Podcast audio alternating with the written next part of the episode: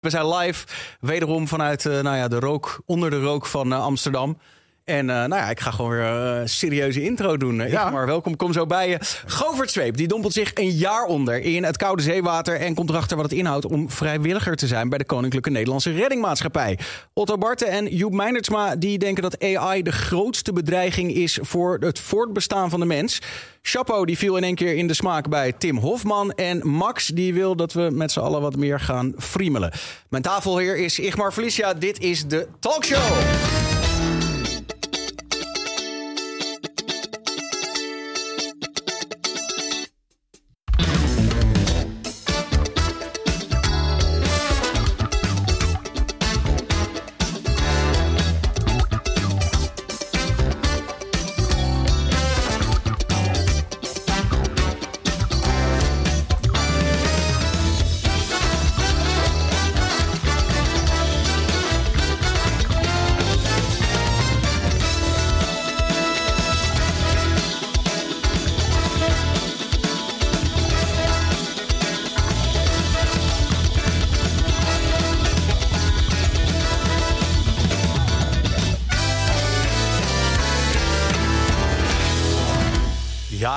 Welkom. Zondagavond en uh, talkshow 2.0 vorm. Ik zei het vorige week al bij de 200 editie van ik wil het iets anders aan gaan pakken. Iets breder uh, qua gasten uh, en een nieuwe tafelheer. Ja. Mijn vriend en voormalig collega Igmar Felicia. Wij kennen elkaar. Ja. Ja, ja, ja, ja, ja. ik vind het leuk om hier te mogen zitten bij jouw eigenlijk volwassen talkshow. Ik zit die reacties te kijken. Ik zie iemand die zegt het is nu al leuker dan Humberto. Dus, dus ja. Ja, we hebben ook borrelnootjes en bij ons zijn ze wel eetbaar. Ja, deze zijn eetbaar, of niet? Ja, ja, ja, ze zijn echt vers. Nou, ik vind het wel leuk. Het eerste, ik kwam hier binnen en uh, je liet de studio... Ik ben hier wel eens vaker geweest, maar je liet de studio even zien. En uh, ik zeg, nou, dit, is, dit ziet er zo hard uit, een talkshow. Het eerste wat jij zegt, met echte nootjes. Echte kan nootjes. eten. Ja. Nou, ik... Uh, ja, er was laatst zo'n incident bij VI dat iemand probeerde, volgens mij was het Wilders, en die wilde zo'n kaasstengel pakken. En toen werd hij ja. tegengehouden van doe maar niet, ze staan hier al drie jaar. Nou, ja, misschien dat wij uiteindelijk ook zo eindigen. Deze staan er over twee jaar nog. Ja, waarschijnlijk wel. Ja, maar ze zijn nu lekker hoor. Nou, nou top. Uh, Igmar, leuk dat je er bent. Uh, je bent radio-dj bij Vanix, um, ook influencer, televisiepresentator. Je hebt het uh, programma Hands Up gepresenteerd onder andere. Um, ging over gebarentaal, was ik ook nog deelnemer in. Um, en uh, tegenwoordig nou ja, ben je vooral druk met, met radio, maar ook met, met dingen op social. Je hebt nog een typetje wel eens gehad, wat ja, ook nog wel redelijk ja, viraal ging. Um, hoe is het met je? Goed. Goed. Uh, ja, eigenlijk. Uh, ik vind het leuk om veel verschillende dingen te doen. Ik vind dit soort dingen leuk om, om te doen. En ja, eigenlijk dat wel een beetje. Ik bedenk me in één keer, je hebt ook zelfs uh, in de afgelopen twee jaar een keer een, um, een animatiefilm ge uh, voice Nou, niet voice-over, ja, maar geacteerd. Ja. ja. ik was de stem in uh, Turtles, Ninja Turtles. Ik was, ah, dit is erg, ik was een van de Turtles. Ik was Michelangelo, toch? Wat erg dat jij dit wil. ik was Michelangelo, ja. Een van de hoofdrolspelers. Ja, dat was echt heel leuk om te doen. Wat vet. Ja, dat, was, dat was wel echt leuk om te doen. Dat soort dingen. Ja, het is leuk, radio-dj en allemaal verschillende dingen doen. ja, daar hou ik van. Dus, uh, ja. Ik had je gevraagd, uh, joh, ja. als je hier dan als tafelheer zit, uh, je mag je straks met, met alles bemoeien ja. en met alle gesprekken die we gaan voeren. Ik zei het net al, we gaan het over AI hebben, maar ook over de, de Koninklijke Nederlandse Reddingmaatschappij. Um, maar voor die tijd vroeg ik je van, wil jij misschien ook een fragmentje meenemen? Iets wat jou is opgevallen deze week. moeten we er eerst even naar gaan kijken? Uh, nou, wacht even. Wacht, als, als okay. kan, wacht even. Het, het, had te maken met... Uh, kijk, mijn jongetjesdroom... Ik weet, jij houdt niet zo heel veel voetbal. Hè? Tenminste, je weet er wel wat van, maar je bent niet de voetbalfan. Ik ben geen voetbalfan, nee. nee. ik ben een groot voetbalfan. Het liefst, eigenlijk had ik voetballer willen worden. Mm -hmm. uh, en vroeger, toen ik als jongetje een beetje droomde... dan droomde ik altijd dat ik bij Ajax mocht debuteren... en dat ik dan mocht invallen. En of nou voor Feyenoord ben of voor PSV. Je droomt dat je dan in de laatste minuut de winnende mag maken. En Julian Rijkoff, uh, 19 jaar, die viel in. Zijn debuut uh, bij Ajax. En uh, hij, hij deed een... Nou, Ajax stond 2 en achter. En hij deed een omhaal. In de laatste een omhaal voor de duidelijk, dat is dat je ja. echt zeg maar je been zo en, en ja. eigenlijk bijna... Ja. ja. dat was zijn eerste actie. En kijk, hij scoorde hem uiteindelijk niet. Ajax speelde nog wel 2-2. Maar het enige wat ik dacht, ik zat naar de tv te kijken en ik dacht... jij leeft bijna mijn jongensdroom. Hij was de wereld overgegaan als hij gewoon in zijn eerste actie die omhaal had gescoord. Ik zat gewoon te kijken en ik dacht dit is wat ik altijd droomde. Nou, hij deed het eigenlijk niet, maar een klein filmpje van hoe blij hij was na de wedstrijd vond ik mooi. Hey Alexide, ik ben mijn debuut gemaakt. Ik ben super blij. Ik ben blij dat we het uiteindelijk nog in de verlenging hebben kunnen gelijk trekken. Op naar volgende week of naar de uitwedstrijd. Ik heb er zin in. Dank jullie wel. Kijk, je ziet die blijdschap toch? Ja, ik ja. vind het mooi. Gewoon zo'n jongen die. Ja, het is misschien meer, ik had dat willen zijn. Ja. Het, ja, ik- ja. Het is dan wel inderdaad jammer dat hij hem niet scoort. Maar Ja. überhaupt, volgens mij moet je ook best wel ballen hebben als voetballer. Om, om een omhaal te doen. Juist. Ja, en daarom eh, dacht ik, nou ja, kijk, ik ben Ajax ziet, het gaat niet zo goed met Ajax, maar ik dacht, dit is dan wel echt even een mooie. eh, ik vond dit mooi, dus. eh, Oké, we moeten hem wel afronden, want ik zie mensen in de chat alweer weer over Ajax. Oh, is dat niet goed? Ja, maar ik nou, heb de chat hier, hè, dus dat Ja, is. ik, Nee, ja, Ajax is natuurlijk een hot topic, maar Oh. de laatste tijd vooral in negatieve zin. Dus jij Sorry, brengt weer eens een keer sorry, wat, wat positiefs. Ehm, laten we ons eerste e- onderwerp van vandaag Als, als, als, ik, als je me op mijn telefoon ziet zitten, ik kijk de reacties. Eh want ik zag net iemand zei Ronnie Flex, de gast. Ik ben Igmar. Maar, maar ik check Wauw. de, ja, ik zag het hier staan. Ja. Nee, eh, lees vooral de chat. Mensen Ja. op Twitch zijn dat wel gewend. Ehm, onze eerste gast van vanavond die is niet vies van een beetje avontuur. Hij werd ooit gearresteerd toen hij inbrak bij Ja. Area 51. Ja. Hij heeft eh, gezwommen met daadwerkelijke levende haaien. En hij is een keer gevangen genomen door gasten van de Special Forces. Nou, dan weet je al dat je redelijk wat gewend bent. Eh, en nu dacht hij, ik ga me een jaar lang onderdompelen in de wereld van de KNRM. Mijn naam is Govert Zweep en ik word voor 365 dagen een opstapper bij de KNRM. Na het behalen van verschillende trainingen, keuringen en vaarbewijzen is het nu tijd voor het echte werk. De volgende stap om next level te gaan. Ik spreek de vrijwilligers en slachtoffers over indrukwekkende reddingsacties. Dan moet je animatie doen. Ja, en dan zie je een jong persoon onder je. En uiteraard ga ik zelf ook mee in de actie. Eén matroos verloren. En we zijn dus op zoek naar een matroos. Ik ervaar moed, kennis, lef, maar ook de emotie van het vak. Welkom bij Govert als redder op zee. Ja, Govert, van harte eh, welkom. Dankjewel. Leuk dat je, er, eh, dat je er bent. Eh, We hebben elkaar natuurlijk al vaker gezien. Eh, net boven stonden we heel even herinneringen op te halen van toen jij gearresteerd was bij Area 51. En dat ik de eerste stem in het Nederlands was die jij hoorde in de gevangenis. Ja, ik dacht lekker mijn moeder te kunnen spreken of mijn vriendin, maar het was Daniel. Ja, dat was toen op de radio. Hadden wij uitgevolgd hoe wij hem in de gevangenis... jij was eerder dan, eh, Ja. dan zijn moeder. Ja, Eerder dan welk familielid ook, kreeg je de radio aan de lijn in de Ja, gevangenis. de- we zaten toen nog in die leefruimte op dag nummer drie of vier of zo. Dan was zo'n iPadje en daar werd dan Ja. incoming call kwam daar. En dan zeiden ze, je werd gebeld. Maar ja, helemaal niet het idee dat je überhaupt gebeld kan worden. oh ja, In ja. die oranje pyjama loop je dan daar naartoe. En dan eh, hoorde ik jouw stem. ja. Ehm, nou goed, Dat nou is inmiddels Goed, al ja. even, even geleden. Je bent gelukkig van alle eh, media-aandacht afgekomen die dat met zich meebracht. Eh, en nu ga je iets heel tofs doen. En daarvoor heb je ook Ralf meegenomen. Ralf, welkom. Dankjewel. Ehm, ik denk, Govert, zou jij ons even willen vertellen eh, hoe je met Ralf in contact bent gekomen en, en wat Ralf precies doet? Als jij hem even een goede intro kan geven. Ja, zeker weten. Nou, Ralf die werkt voor de Koninklijke Nederlandse Reddingsmaatschappij. En eh, de reddingsmaatschappij bestaat op dit moment 200 jaar. Ik zie het aan de trui. Dus inderdaad, een eh, 200 jaar jubileum. En dat betekent dat ze al 200 jaar zich eigenlijk inzetten voor mensen en dieren op het water. Eh, tot aan midden eh, Engeland, of eigenlijk in ieder geval richting het midden van Engeland zelfs. Dus eh is een redelijk, eh, redelijk stukje. En eh, dat doen ze voornamelijk allemaal vrijwillig. Het is een eh, ja, non-profit organisatie die zich dus inzet. En eh, dat is mooi. En ik ga mezelf indompelen in die wereld. Ja. Een jaartje. Ja. Ralf, ja, leuk dat je, dat je erbij bent. Ik denk dat ik dan aan jou moet vragen eigenlijk van, nou ja, heel even overview. Hij zegt net al, zet zich in voor het redden van mens en dier op het water. Maar als ik aan jou vraag, je doet het al heel lang. Je zit al, hoeveel jaar zei je bij de KNRM? Ja, ik durf het eigenlijk niet. 25 of 30 jaar. Zo, wauw. hou het gewoon niet meer bij. Ja. Wat doet de KNRM eh, in de woorden van een, van een expert? Wij redden mensen en dieren op het water. En ehm, eh, niet alleen richting Engeland, maar ook eh, bijvoorbeeld op de Randmeer, het IJsselmeer, de Zeeuwse stromen. Eh, en op de Waddeneilanden hebben we ook lifeguards, dus strandwachten, die mensen die daar aan het verblijven zijn op het strand redden als ze in de problemen komen.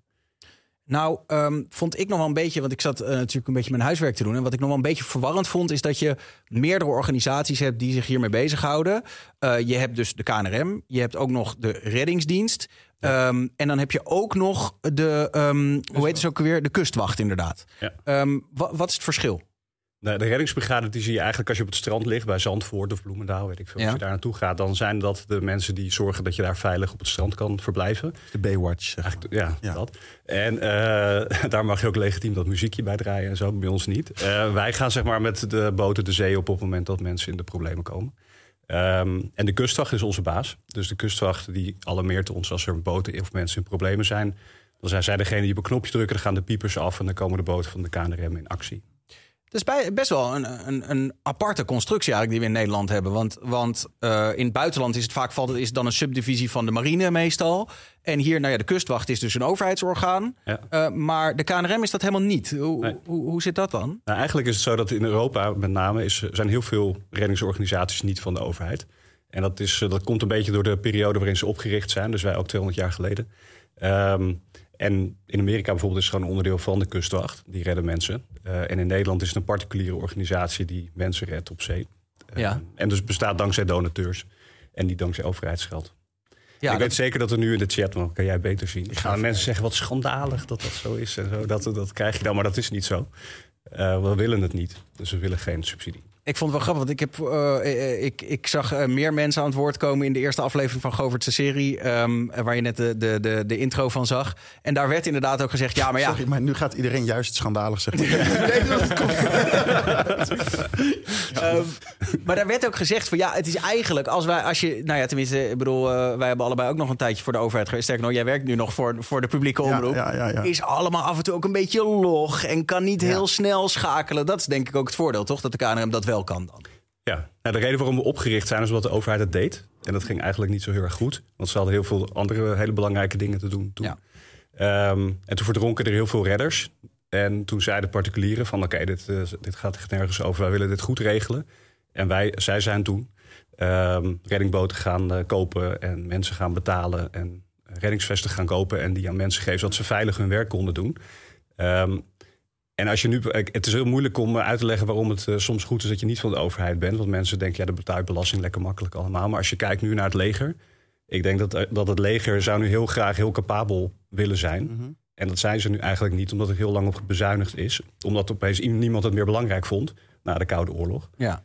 Ja, en nu willen we heel graag een leger en nu duurt het heel lang voordat het weer voor elkaar is. En wij willen gewoon niet met dat soort grillen te maken hebben. Dat je de ene keer belangrijk gevonden wordt.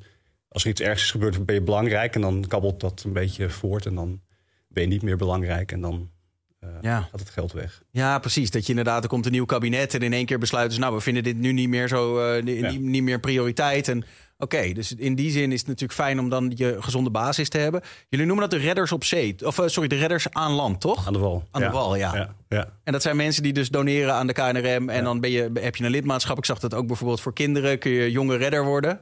Ja. ja, dus het kan vanaf eh, volgens mij 5 euro per maand. Ja, En dan, eh, ja, dan hoef je dus niet zelf de zee op om iemand te redden. Maar dan ga je gewoon, dan financier je eigenlijk dat andere mensen dat kunnen doen. ja. En daar zijn we heel blij mee. Daar hebben we er 130.000 van. En we willen er heel graag 200.000 hebben. Nou, Dus vandaar dit jaar eh, ja, met Govert. zeker. Nou ja, een comfortabele manier om redder te worden natuurlijk. eh. Ja, aan wal. bank, ja. Eh, voel je geroepen als je in de chat zit en je denkt, eh, ik vind dit tof, maar blijf vooral even kijken. En als je aan het einde denkt, ik vind dit heel tof, dan kun je dus inderdaad redder aan wal worden. Ehm Govert, wa- waarom, eh, waar begon jouw fascinatie voor dit hele, hele gebeuren? Ehm, Nou, ik werd gebeld door Bas. Die heb ik weer eerder ontmoet in eh, Noorwegen. Toen Kjeld Nuis was een schaatser. Die probeerde toen een wereldrecord van 100 km per uur te schaatsen op natuurijs. Nou, was briljant. En daar, daar was ik toen bij. En Bas was daar ook bij. En die werkte inmiddels voor de KNRM. En toen eh, belde hij mij. Hey, we hebben toen eh, best wel wat vets gedaan daar in Noorwegen.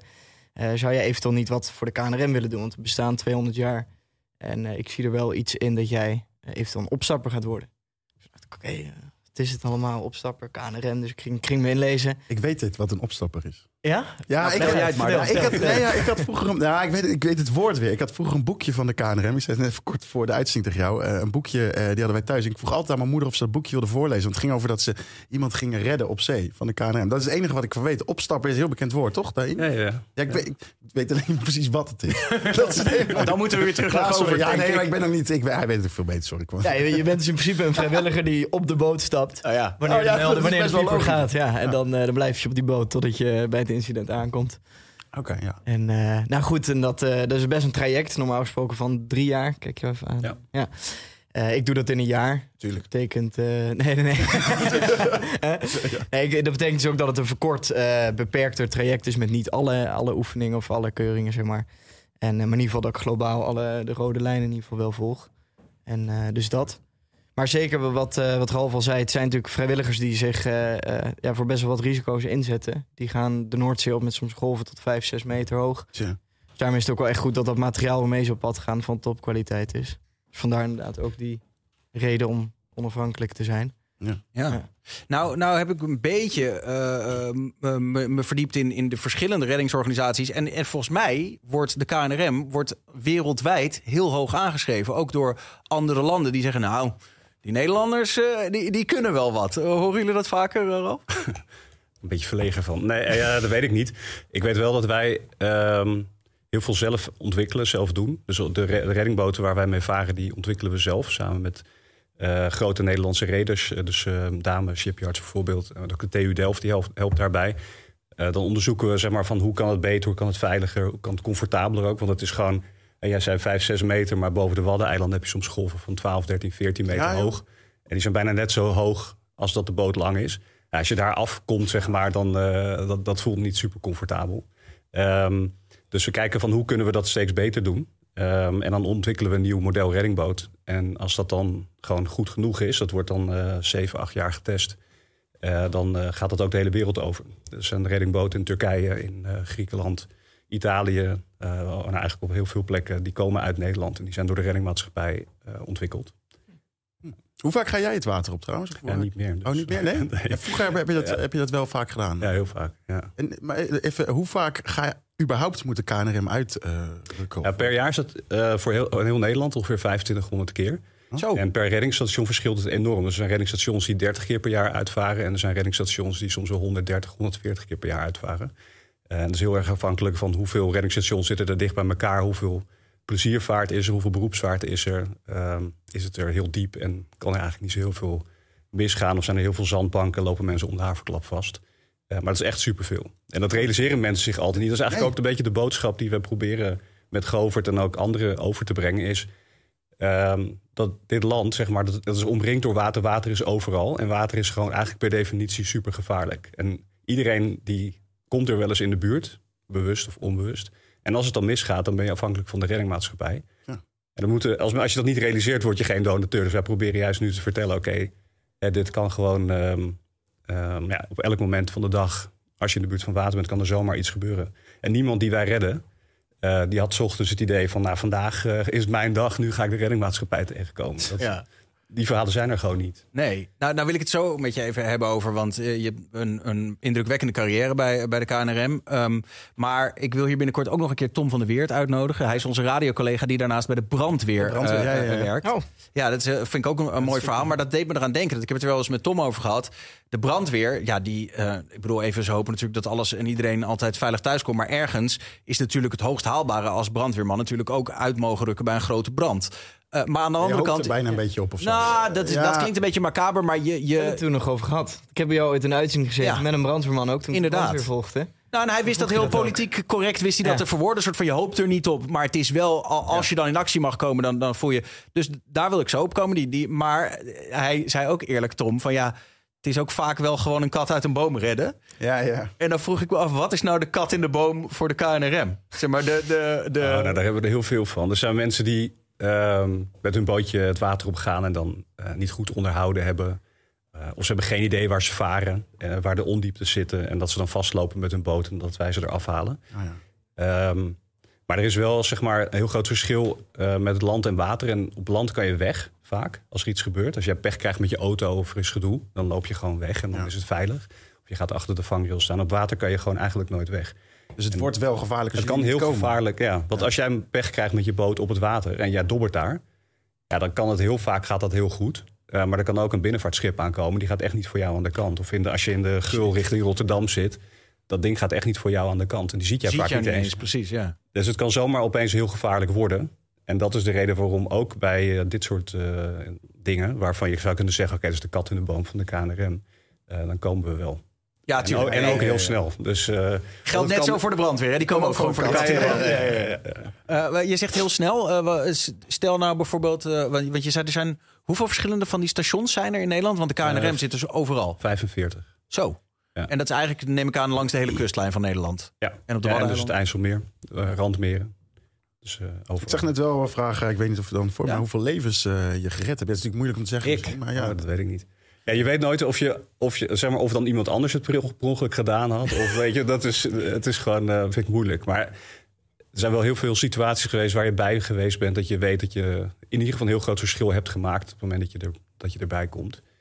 Um, en dat door de inspanningen die je als team doet. Want je, dat zijn gewoon, er zitten op zo'n boot vier, minimaal vier mensen. Mm -hmm. Dat je dat met elkaar uh, ja, iemand uh, ja. een vrolijk leven verder geeft.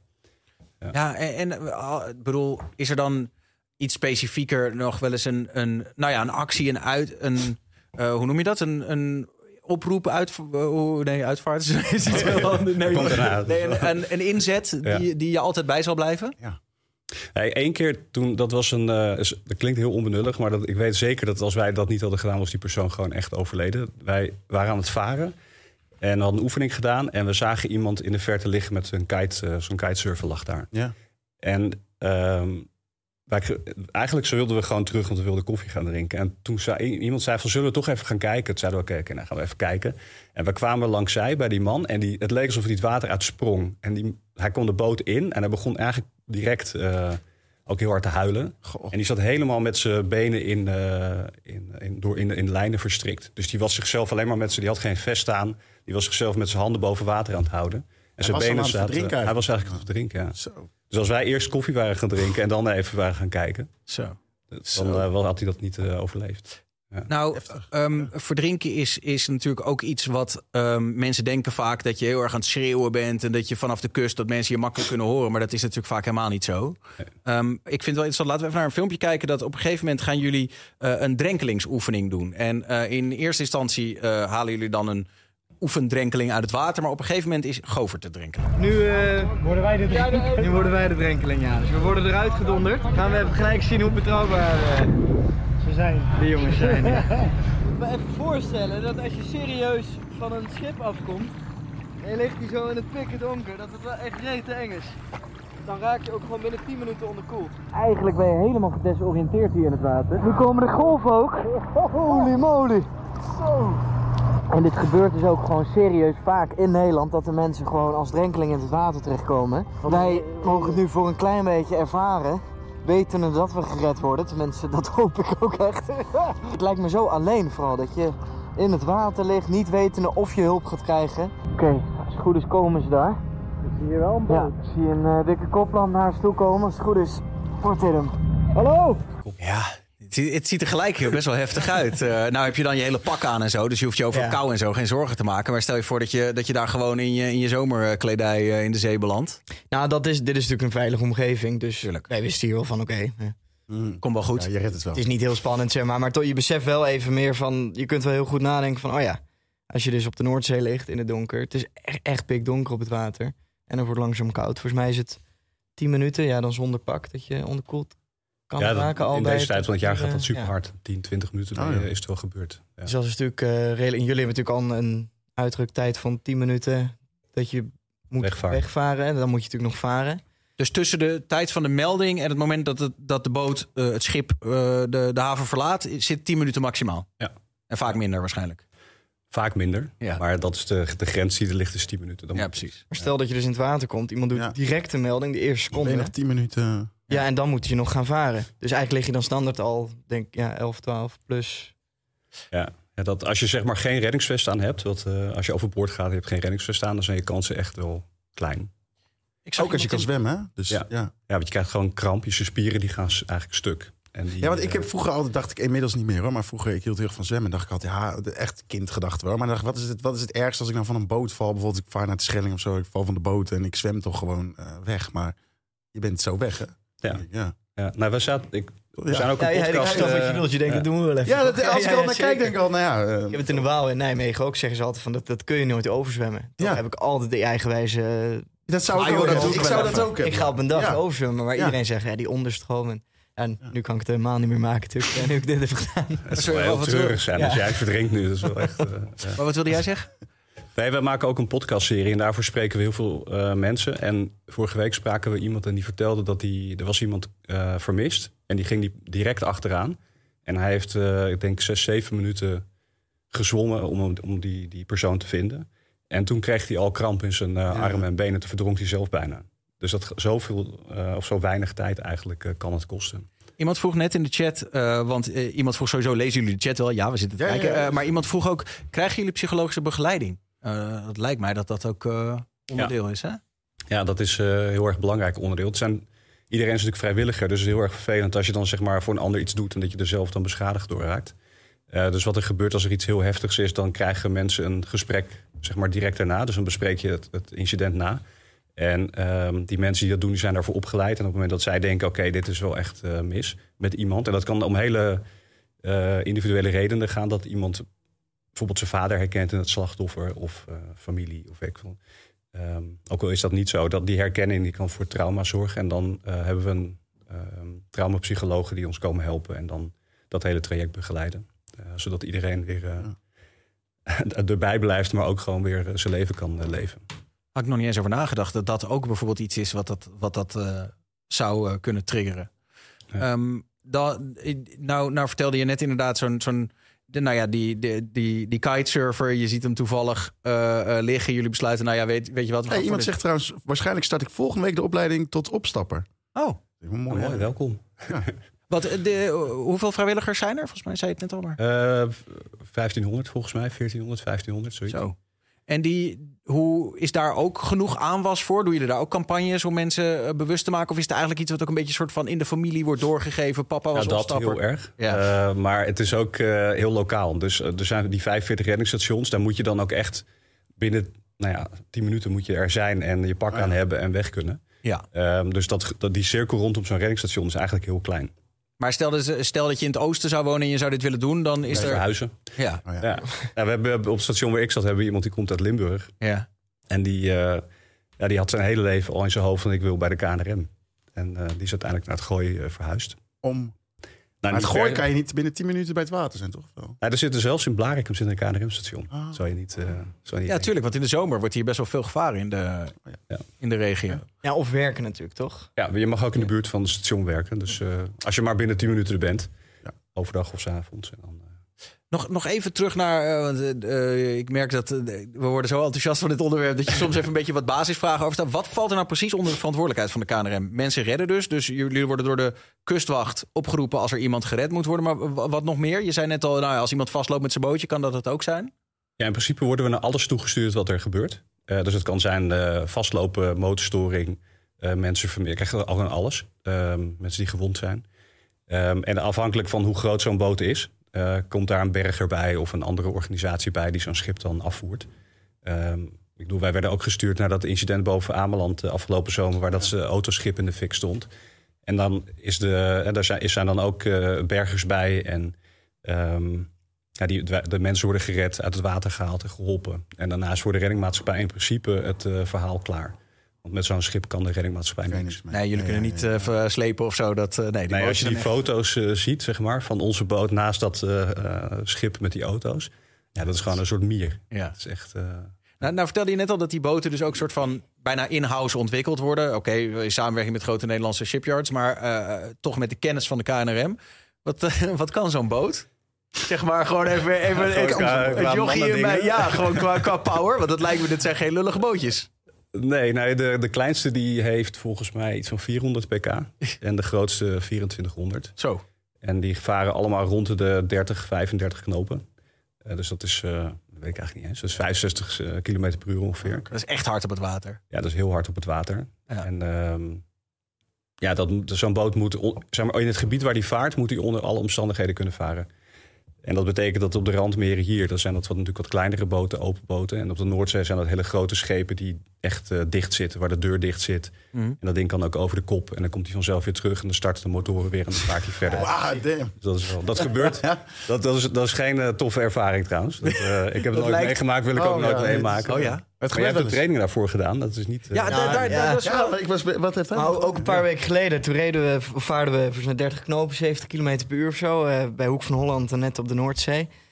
Nou, en ik, ik heb mijn enkel nog steeds, dus drie weken geleden kan ik nog steeds echt, eh, echt als ik lang Ja? loop, voel ik het nog steeds pittig. Want ik was dus op het voordek en het ging wel hard en ik liet, eh, liet los. Ja. Ik vloog het dus een meter of anderhalf gewoon de lucht in, daarna weer die, dat dek weer bam. Zo. Beetje misselijk ook. Nee, dat niet. Zeeziek, ja. Maar goed, je moet het echt, echt vasthouden. Ja. En nu waren het nog amper golven. En toen dacht ik, oh ja, dit is wel... eh, Ja, dat is- Serieus ja, gevaarlijk, ja. Is zeeziekte eigenlijk, vraag ik even aan jullie allebei, iets wat je kunt, waar je aan kunt wennen? Eh, zeg maar, kun je dat, eh, kun je als je maar vaak genoeg het water op gaat, niet meer Nee. zeeziek worden? Of als je dat hebt, ben je dan gewoon. Is Dat het weet ik. Oh, dat weet jij? Ja, mijn opa en oma, hadden- vroeger ging ik mee varen met de boot. Is nooit, ik was altijd zeeziek. Je moet nooit recht, moet je recht vooruit kijken. Nee, dat komt echt, als je dat hebt, is echt verschrikkelijk. Ik Ja. heb het. Ja. Je moet de hele tijd naar een recht punt kijken. Maar dan is varen ook echt helemaal niet leuk. Ja, Volgens mij hetzelfde met van die F-16-piloten, toch? Die moeten dan Ja. in zo'n wasmachine van, kun je die G-kracht aan? En dan, sommigen kunnen het gewoon niet. Dan kan je het ook en dan niet. is het gewoon Nee. klaar, dan mag je ook niet verder. Ik ga nooit bij de KNRM. Dan, Ja, bij de KNRM worden echt ook wel regelmatig mensen zeeziek. Gewoon eh, Ja. kotsen en weet ik het allemaal erbij. Het is, het is ook heel erg de omstandigheden. Eh, soms dan eh, is er bijvoorbeeld heel veel brandstofgeur of zo, weet ik veel, dieselgeur. En eh, dan een Oh, ja. beetje op en neer en eh, je hebt eh, bijvoorbeeld niet goed geslapen. Ja, dan gaat het wel een beetje mis. Ja. Ja. Ehm, net kwam even ter sprake inderdaad die training over die, die boot die omslaat. Ik heb wat beelden van eh Govert die aan het eh, oefenen is. Ehm, en op een gegeven moment wordt het ook best wel echt heel heftig. Maar dan gaat plotseling het licht uit. De oefeningen die langzamerhand wenden in het licht werden nu plots heel anders. Met de nagebootste golven, de storm, is alles een stuk chaotischer. De rust bewaren en terugvallen op het stappenplan is dan wat je moet doen. Omdat ik het komende jaar ook nog een helikopterhijsing ga doen, moest ik dat hier ook in een veilige omgeving gaan leren. Want je moet wel voorstellen, als het natuurlijk echt op zee is en er is nood, is alles anders. Dan krijg je stress, voel je veel meer in je eigen lichaam. Dat heb je hier natuurlijk niet. En eh, terwijl ik dit zeg, eh, moet Tom er ook uit. De helikopter staat klaar. Bij het onderdeel uitmaken van een team moet je ook leiding kunnen geven wanneer dat genoodzaakt is. roep je zodat de andere twee naar beneden kunnen. Ja? Goed met de ellebogen klemmen. Ja, en het is van alles door elkaar, weet je wel. We hebben jongens, we hebben meiden, we hebben, de, de jongste is 18 en ik ben de oudste met 52. En eh, alles werkt samen en dat gaat gewoon. elke uitruk sta je wel aan. Je bent wel echt eh, met je hoofd bij wat je doet. Ja, het ziet er wel heftig uit met die flitsende lampen in die eh, alles erop en eraan. Ja, en hierna gingen we ook nog in zo'n helikopter. En die ging dan, eh, of ja, zeg maar zo'n nagebootst helikopter eh, fundament. En dan moest je dan in gaan zitten. En dan ging die naar beneden en dan nog helemaal omdraaien. En dan moest je dan uiteindelijk uit, uitklimmen. Maar Was jij goed? Ik, zit- ik zit hier nog. Nee, ja, maar, maar, maar, maar zou je, Nee. was je uiteindelijk een... want je hebt het natuurlijk versneld gevolgd. Kon je, kon je het een beetje? Ik, ik- dat stukje ben ik wel goed, goed doorgekomen. Maar eh, het, het is ook niet dat daar echt een soort... eh, Nee. het is niet dat er anderen bij waren die dat niet... eh, Het is eh, aan of uit, zeg maar. Of je, je haalt het of je haalt het niet. Maar ik, ik vind het wel grappig, want wij doen best wel vaak met televisiedingen... zeg maar, televisieprogramma's komen dan en dan zijn ze er nou, drie uur op zijn hoog, zeg maar. En dan gaan ze een heel mooi beeld geven over de, de KNRM. Ehm, ook heel leuk, maar zeg maar, Govert doet die opleidingen echt. Dus hij heeft echt eh, die opleidingen eh, gedaan eh, in, ehm, in Rotterdam. En echt zijn vaarbewijs. En echt, dus het is, wat je ziet, zeg maar, is ook wel echt de KNRM. Ik appte dat ook, van het is wel echt... ik vind het een heel indrukwekkend beeld over de organisatie waar ik zelf al zo lang bij zit. Het is wel gaaf om te zien van iemand die van buiten naar binnen komt kijken... hoe het dan overkomt ook. Ja, het was ook wel een commitment, Govert. Je hebt gewoon gelijk gezegd, oké, ik wil dit doen, ik trek er een jaar vooruit. Ja, Tuurlijk, het is misschien ook- niet het is iedere dag, Kans, maar- eigenlijk, hè? Natuurlijk, Ja. ik, ik heb een soort van één beroep gekozen als YouTuber. Maar dat vind ik ook weer jammer, want het is één leven. En op mijn tachtigste lig ik een keer eh, in mijn sterfbed. En dan, eh, dan denk ik, ja, het was maar één beroep. Ja. En nu kan ik toch een soort van andere beroepen nog even mee. Eh, Kijk, je, je kunt natuurlijk nooit helemaal kunnen zeggen, ik ben een KNRM'er. Dat, dat respect zou ik nooit moeten krijgen. Maar gewoon even een klein kijkje in die keuken door het even te voelen. Hetzelfde ook dan met de landmacht, de brandweer gedaan, boeren. En dat, Tuurlijk. embedded gaan vind ik daardoor echt wel leuk. Wat vond je hiervan het zwaarst?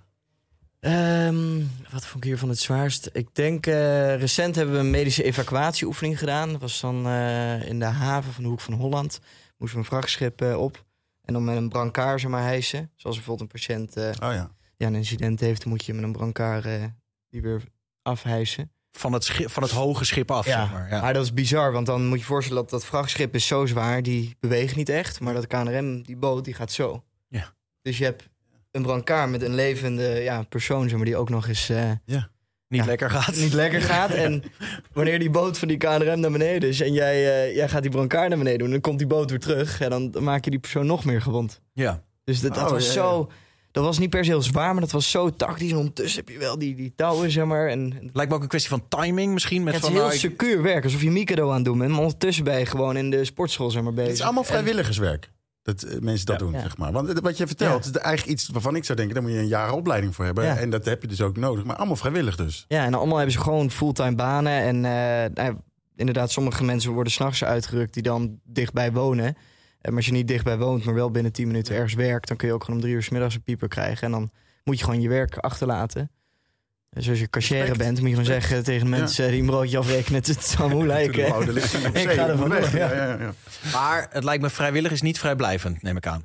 Nee. Nee. Dus Nee. dat betekent dat je ook inderdaad, als je dienst hebt, dan wordt er ook van je verwacht: oké, je houdt deze uren vrij. Je gaat, niet, je gaat je niet lopen bezatten op die zaterdagavond dat jij Nee. eh, on call bent, zeg maar. Nee. Nee, nee, nee, helemaal niet. Nee, dat is zeg maar dat, dat team wat die- zo'n station bemant, die eh, committeren zich aan dat die boot altijd gaat varen. Dus 24 uur per dag, 365 dagen per jaar moet dat ding eruit. En eh, dat betekent dus dat je soms ook dingen moet laten. Eh, en dat als je in de supermarkt bent, wat is, dat is mij echt wel vaak overkomen, dat je gewoon je karretje in de hoek uh, duwt en wegloopt. En dan uh, moet het gewoon gebeuren. Of als het is altijd op onhandige momenten, op verjaardagen, feestjes, dingetjes en zo, dat je dan denkt, ah, Ook wel eens op handige momenten. hele handige. Ik wil nu weg. Soms verzin je ook wel eens. Schoonmoeder komt binnen, daar gaat hij. Oh, dat is wel lekker. Dat heb ik wel heel vaak ge- gehoord tijdens het interview inderdaad. Ja, tuurlijk. Ja, dat is ook een beetje zo'n klassiek. Ja, ik heb een hele leuke schoonmoeder, dus ik zal dat niet zeggen. Maar ik, ehm, ik heb wel met mijn baas een keer gedaan. Dat ik zei, ik dacht, ik zit hier in een shitgesprek, daar heb ik helemaal geen zin in. ik oh, sorry, ik moet weg. Ja, En, sterk. Ja. Ja. Ja.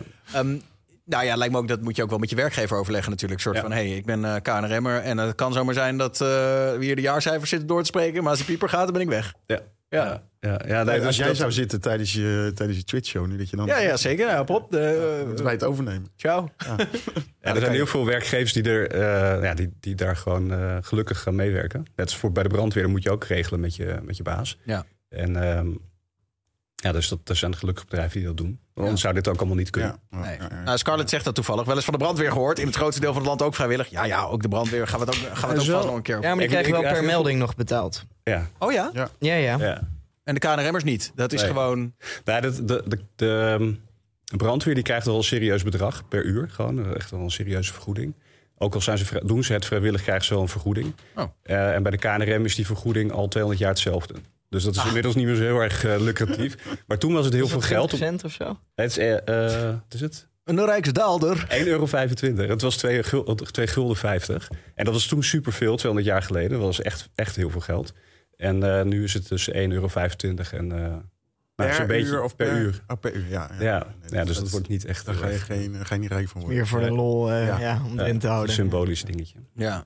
Ehm Govert, het, ik vind inderdaad, we hadden het er net al even over. Het is, het is tof dat jij besluit om zo eh, een, een duik in het diepe te nemen met ieder onderwerp waar je, ehm, ja, waar je iets mee, mee gaat doen. Ehm, maar je blijft natuurlijk ook wel, je, je hebt nog steeds wel een, een gezond ego. en Dat siert je ook. Eh, zo was jij heel trots op jouw eh, resultaat bij de eh, medische eh, keuring. Oh, zeker. Ja, ja, ja, ja. Letterlijk alles werd 18-jarige gecontroleerd. Het is namelijk belangrijk dat je fit en flexibel bent. Natuurlijk, zeg was meer op het moment dat wij de stijg aflopen met slecht weer. Arbotechnisch kun je het niet dichtspijkeren. Maar je weet wat je aan elkaar hebt. Je weet wat, wat je aan het schip hebt. En dan moet je vertrouwen in hebben in elkaar. 110,70. Mooie bloeddruk. Je bent eh, geen zware mens, dus dan, eh, daar hangt dat meestal een beetje mee samen. Nou, dat is mooi. Ik kan het lekker door blijven eten. Door, Maar door, door, door, gelukkig door, zag door, alles door, er tot door, nu toe door, goed door, uit. door, door, door, door, door, door. Ik had zelfs longen Iedereen. van een 18-jarige. Want hier ben je 18 jaar, dat is wel leuk. Govert, hou vol, kom op. Govert, je bent goed bezig, jongen. Ja, daar is die. Ja, daar was je trots op. Hè? Dat heb ik nog vaak Ja, terug horen zeker. komen. De longen van een 18-jarige, onze ik ben Govert. 25, dus dan is 18 toch een mooie rating. Nee, ik heb in mijn leven best wel wat ongezonde sigaretjes eh, in mijn longen ingerookt. Dus dan eh, ben ik toch blij toch, dat dat... eh, eh, Ja, dat dat niet zoveel impact had als je dacht, inderdaad. Eh, hoe, hoe belangrijk is dat, Ralf? De, de, wat ik bedoel, die medische keuring, hij zag er niet licht uit. Er wordt best wel wat van je verwacht. Ehm, hoe, hoe, hoe, hoe fit moet je zijn? Eh, nou, je moet, je moet die test doorstaan en die, eh, dan is het eh, goed. Maar dat gaat dus wel over, nou, over, flexibiliteit, maar ook over je hart. Zeg maar, of je hart het überhaupt belasting kan hebben. Je longinhoud inderdaad. Ehm, ze controleren ook je urine en ehm, ehm, als er in uitzonderlijke gevallen zelfs ook bloedwaardes en zo. Dus het is, van, ja, het is wel een uitgebreide keuring die je moet doorstaan. Er vallen ook gewoon mensen af die dat niet eh, doorstaan. En er worden ook dingen ontdekt eh, die mensen niet van zichzelf wisten. Eh, dus die zijn er weer mee geholpen.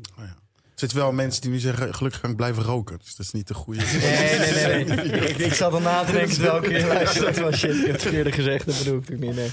Nee, Eh, nou zeiden we net al, je gaat dus, eh, is het jaar al afgelopen eigenlijk? Is het nee, nu nee. dat... nee, nee. Oké. Nee, want we uploaden ook iedere twee maanden een aflevering. Het worden er vier. Eh, en dat doe ik dan bewust omdat ik nu nog echt eh, meega. Dus we zijn nu bijna een beetje met, eh, ja, met de voorbereidende keuringen klaar. En in april ga ik voor de eerste keer echt een aantal dagen achter elkaar op een station zitten. En omdat ik nergens woon of werk dicht in de buurt... moet ik echt met een matje ergens op een station gaan liggen. Samen met de cameraman. hotel. Nee, dat durf ik ook niet, want ik ben, niet, ben bang dat ik niet binnen 10 minuten het dan red. Dus eh, ik wil echt gewoon bij de deur gaan slapen en dan... eh, ja, dan hopen in die dagen. Ja, je hoopt niet dat er wat gebeurt. Nee, oké, maar een beetje zoals de brandweerman inderdaad. Ja, ja. Als het dan moet gebeuren, dan, Dan wanneer op het moment dat ik ben. dienst heb. Ja, precies. Ja, Dus eh, tot, tot augustus volgens mij. En dan staat de laatste eh, week gepland dat we ergens eh, op een station gaan stationeren. spannend hoor. En wa- wat gaan we de komende afleveringen dus allemaal nog zien? Ze- Voor een deel weet je het dus nog niet. Nee. Hoeveel afleveringen ga je maken eigenlijk? Vier. In aflevering 2 komt die medische evacuatie met het vrachtschip. Ja. De hele EHBO-cursus nog, vaarwijs 2. Eh, dus dan leer je ook vaarroutes uitzetten. Eh, en al de eerste melding. En aflevering 3 wordt een hele grote zware oefening op zee. eh, met een helikopter, et cetera. En een aantal meldingen. En deel 4 is gewoon alleen maar eh, meldingen. Ja. Ja. En daar, die, ben je dus, die wordt nu nog gedraaid, die deel 4. 2, 3 en 4 worden nog gedraaid. Oh, echt, ja? Ja, nee, we zitten er middenin, ja. ja. En release je ze dan iedere week? Of, of? Nee, iedere twee maanden. Oh, oké. Dus we hebben nog even de tijd. We, kunnen nog even van de, serie genieten. Ja, ja, ja. Tof. De eerste aflevering is nu online. Ondertussen Goed viert werk. dus, eh, ja. Ik, ik, ik vond het ook wel een tof onderwerp. Ik, Ja. ik zag dat Gover dit ging doen. Ik denk, ja, dit, is- dit is wel heel cool. Ik heb ook soort, zelf ook een soort fascinatie voor de zee. Ik vind dat gewoon vet. Ik ben, ben ook wel vaak eh, op een cruiseschip geweest bijvoorbeeld. En wat ik dan wel, dan, dan vaar je daar, zeker s'nachts, in the middle of nowhere.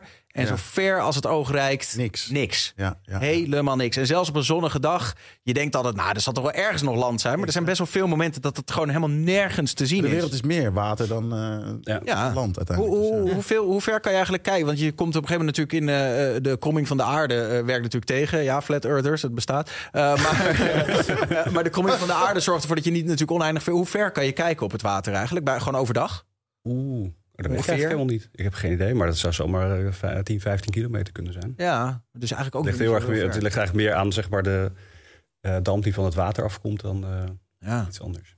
Maar goed, ik vind het dus inderdaad wel echt een interessant topic. En, en, en dus ook, eh, ja, de zee ehm, dwingt wel een soort ontzag af. Het is eigenlijk Ja. veel gevaarlijker dan Ja. mensen denken natuurlijk. Gewoon dat, dat water, je beseft je, als ik overboord sla en niemand pikt mij op... Ja, dan is het in veel, veel gevallen gewoon klaar natuurlijk. Het is helemaal niet iets wat, je, wat jullie net al zeiden. Je zwemt het niet even... eh, als je het kan zien, dan kan je het meestal niet zwemmen. Je moet echt wel, ja... Ja, maar dat is één facet, tenzij je het afronden bent. Maar, zeg maar jullie hadden het net over dat vrachtschip. Maar we maken, in die podcast zat een, eh, een opstapper van de KNRM... en die vertelde over een actie die 20 jaar geleden gebeurd is. En die moest overstappen van, het ene, van de reddingboot naar het schip waar ze op moesten. En die golven waren 14 meter hoog. Zo. En toen vroeg die interview, die vroeg van... ja, maar eh, hoe doe je dat dan? Ja, gewoon overstappen. Ja, de- dus je, je wordt ook naar, di- naar dingen gestuurd... waar andere mensen heel hard gillend weg zouden lopen... en die willen daar helemaal niet zijn. En als reddingmaatschappij word je er naartoe gestuurd... moet je het oplossen. Ja. Dat vind ik wel heel cool dat we dat nu kunnen laten zien aan, eh, aan Nederland. Ja. Ja, dan moet je met zo'n ladder en zo. Ja, ik, ik, ik, zit, eh, de- ik zit heel vaak dat soort filmpjes te kijken van gewoon onrustig. En dan is de Noordzee volgens mij. Ja, ja, dat ja. Of zit je niet in dat algoritme? Ja, zeker wel. Voor iedereen. Maar de, de- en dan is de Noordzee volgens mij ook nog eens een van de ruigste zeeën eh, ter wereld, toch? Eh, met name richting het noorden, ja. Ja. Ja. Dus dat klinkt een beetje raar. Maar dus zeg maar, te- eh, als je richting eh, Noorwegen gaat vanaf de Waddeneilanden... dat is wel echt eh, serieus ruig. Heb je nog één, even, maar, en We nog hebben nog één tijd. verhaal? Dat is het mooie van Twitch. Hè. We kunnen oh ja, gewoon, ben we hebben ben- lekker, ja, we ben hebben de. Opnameleiders die hysterie Nee, klopt. Ik ben Nee, een snelle nee. tv-talkshow. Er zit niemand hysterisch in mijn oor, soort van je moet door, je moet Oh, door. Nou, dan ga ik even vertellen over mijn eigen leven. Nee, ehm, eh, kun je nog een paar verhalen... want je had net één verhaal wat je vertelde... maar nog een verhaal wat je is bijgebleven. Want ik vind het toch wel interessant. Die, pff, gewoon een verhaal dat je iemand gered hebt of zo. Ja, of niet eens per se Eh, iemand gered, maar eentje waarvan je denkt zo. Nou, dat- één, ding dat was. dat- want eh, heel vaak dan gaat de pieper en dan eh, moet je dus weghollen. Maar soms voel je het ook aankomen. En ik heb één keer gehad. ehm, het was een hele mooie zomerse dag geweest. En toen op een gegeven moment tegen de avond. toen werd er gewaarschuwd van het gaat weer gaat omslaan. Het Ja. gaat helemaal mis. Toen dacht ik, ja, ik ga toch vast naar het reddingsstation. Ik kan niet wachten totdat het. eh, je kan er eigenlijk gewoon bij blijven staan. En dat dachten zes collega's ook. Dus we zaten daar met, met z'n zevenen. En toen gingen, waren we er net. En toen gingen de piepers af. En toen onweerde het verschrikkelijk hard. Het waaide echt bizar hard.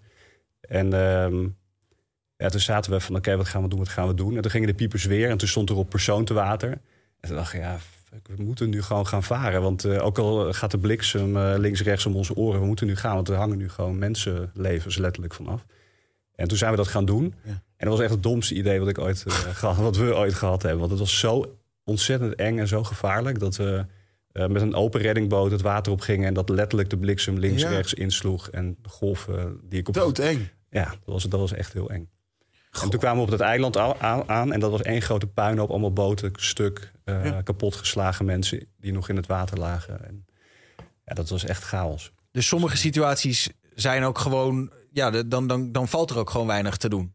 Eh, ja, op dat moment superveel. Uh, maar je weet niet waar je moet beginnen. Want er, lag, er lagen zoveel boten aan puin. Er liepen mensen als kippen zonder kop. Uh, soms zelfs naakt over dat eiland heen. Zo. Omdat ze in hun slaap waren overvallen door... Um, ja. Maar dit is, je zet je eigen leven op het spel op dat moment. Ja, dat dacht ik niet toen ik weg ging varen. Ja. Maar toen we terugkwamen, toen dacht ik... Ah, dit was echt niet slim. maar ja, dat is wel een beetje...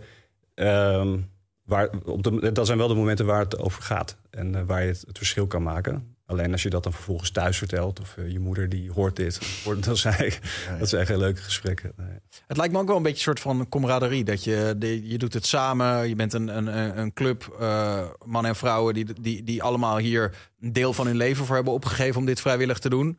En als je dan inderdaad zo samen uitrukt... en je komt weer terug en het is goed gegaan... of zelfs als het minder goed gegaan is... dat je toch... Het verbroedert heel erg, lijkt me. Ja. Ja, en dat snapt ook eigenlijk helemaal niemand. Want als je dan thuis komt in het begin dat al die verhalen te vertellen, dan naar, te, na één keer vertellen, dan ze beginnen een beetje met hun ogen te rollen van, nou, oké, okay, daar hebben we weer zo'n mooi verhaal. En um, alleen degene waar je, zeg maar, die dat ook doen, die snappen zeg maar, wat je hebt meegemaakt en hoe intens dat soms kan zijn en um, ja, hoe vervelend het ook kan zijn. Dat iemand die overleden is uit het water halen, dat is iets wat je, waar kan geen mens zich eigenlijk een voorstelling van maken hoe dat is. En dat kan, kennen alleen maar die mensen die op dat moment op die boot waren. Je hebt, het, je hebt het gedaan, moeten doen. Ja. Ja. ja. ik denk dat elke boot dat wel met enige regelmaat moet. Elke reddingboot dat met enige regelmaat moet doen.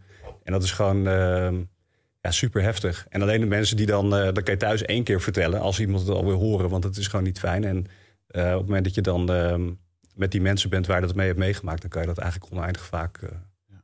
ophalen. Ja. Tja.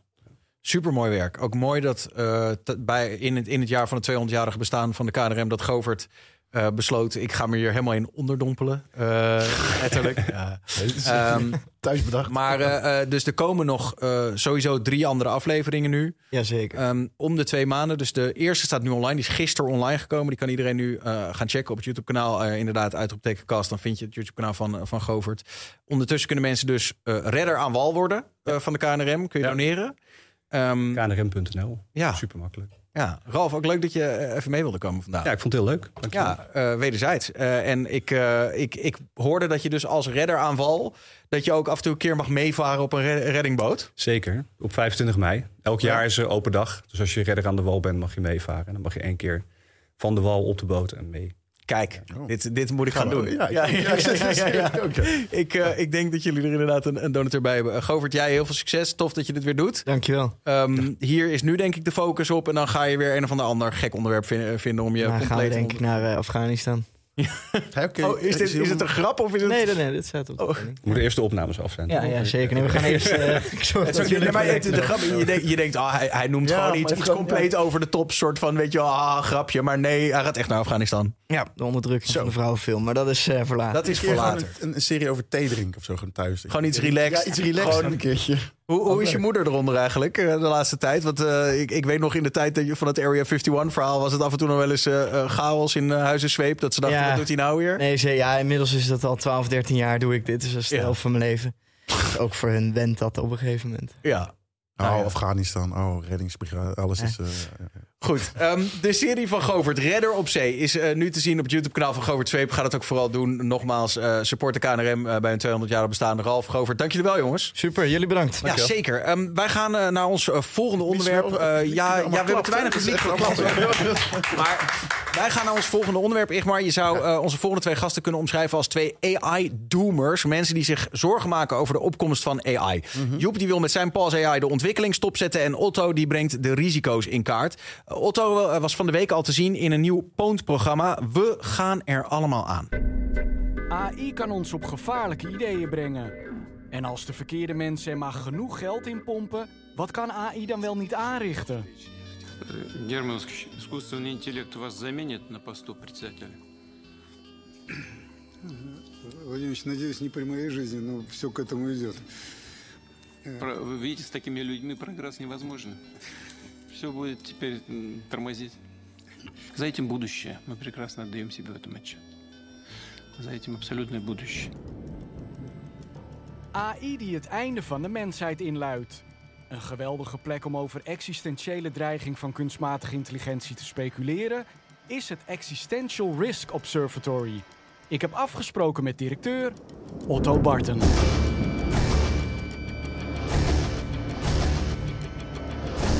Otto, jij hebt de Existential Risk Observatory eh, opgericht. Dat klinkt heel gezellig. Wat houdt het in? Ja, klopt. Uh, dat is een stichting die probeert om de kans op menselijk uitsterven zo klein mogelijk te maken. Uh, en dat doen wij door het publieke debat te informeren over het wetenschappelijk onderzoek naar dit onderwerp. Ja, en diezelfde Otto die zit hier bij mij aan tafel samen met Joep. Um, ja, ik, ik begin heel even bij, bij Otto. Um, uh, want ja, je bent dus van het Existential Risk Observatory. Iets waarvan ik eigenlijk pas van de week het bestaan uh, leerde kennen. Maar ik denk dat steeds meer mensen dat, dat langzaam ontdekken. Wat doet de Existential Risk, uh, ja, Risk Observatory? Ja, we zijn een Nederlandse stichting en het doel is om het uh, maatschappelijke debat te informeren over de meest waarschijnlijke uh, vormen van menselijk uitsterven. En daarmee ook de kans dat, die, uh, dat dat gebeurt zo klein mogelijk te maken. Zo. Zo. ja. dat is nogal wat, toch? Ja. ja. Het is heel simpel ergens, mm -hmm. maar het is ergens ook ja, heel erg een beetje over de top bijna of zo, toch? Ja. Ja. ja, ik vind het. Uh, het was iets waarvan ik dacht, nou ja, god. Uh, ik had hier bijvoorbeeld met mijn moeder over. Komt trouwens lekker dicht bij de microfoon zitten. Dan hoef ik hem niet zo extra bij, te, bij te draaien. Uh, maar, maar wat ik wilde zeggen is, ik had het hier met mijn moeder over. Ik, pitchte haar een beetje het onderwerp. Want ik, wil, ik mm -hmm. vind het wel interessant. Sowieso de, de AI natuurlijk. En zij zei, ja, maar er is toch gewoon klimaatverandering nummer één. existential risk. Dat is dus niet zo. Nee, nou ja, existential, daar kun je van alles onder verstaan. Maar als het echt gaat om menselijk uitsterven, uh, dan is de kans dat de hele mensheid uitsterft door klimaatverandering is niet zo heel groot. Uh, het, gaat, het gaat sowieso gebeuren natuurlijk, dat, dat is 100% denk ik. Ja. Um, maar ja, de kans op. De, de, er zijn scenario's denkbaar waardoor de mensheid door klimaatverandering uit zou kunnen sterven, maar het is niet heel waarschijnlijk. Het wordt geschat op grofweg 1 op 1000. De, de kans dus dat. de AI is veel groter. Ja, AI is veel groter. Ja, laten we inderdaad straks, want dat vind ik wel leuk om ook die andere uh, mogelijkheden op uitsterven uh, erbij te pakken. Daar komen we straks wel op. Maar uh, terug naar, je gooide hem net zelf eigenlijk al op de vraag: wat beschouw, hoe kader jij het existentiële risico? Wat is zeg maar, wanneer is iets een existential risk en wanneer niet? Waar, waar trek jij die, die grens? Ja, wij volgen eigenlijk de definitie van Toby Ord. Dat is een uh, onderzoeker uit Oxford. Uh, heeft hier ook uh, een boek over geschreven, The Precipice. Aanrader voor mensen die, die het een interessant onderwerp vinden. En hij definieert existentieel risico als het zij menselijk uitsterven, het zij een permanente uh, dystopie, het zij het ineenstorten van de menselijke beschaving zonder dat we daar nog ooit uitkomen. Dus dat zijn die drie manieren zijn eigenlijk manieren waarop we de hele toekomst van de mensheid uh, op het spel zouden kunnen zetten. En dat noemt hij een existentieel risico. En in principe volgen wij die, die definitie. Ja. En dan dus inderdaad, dan ga je dus, want uh, uh, ik kom weer even terug op het gesprek bij mijn moeder. Ik bedoel, wij zijn in die zin hetzelfde. Wij pitchen vaak dingen aan onze ja, moeders. Ja, ja, klopt. Ja, ja. Uh, en zij, zij zei ook van, maar is hij dan een soort complotdenker of zo? had ze het over jou, Otto. Maar dat, dat is niet, hè? Nou, nee, ja, ik, ik vind zelf van niet. Nee, nee, nee maar ik bedoel, meer, wat, wat ik eigenlijk bedoel te zeggen is meer ja. daarmee...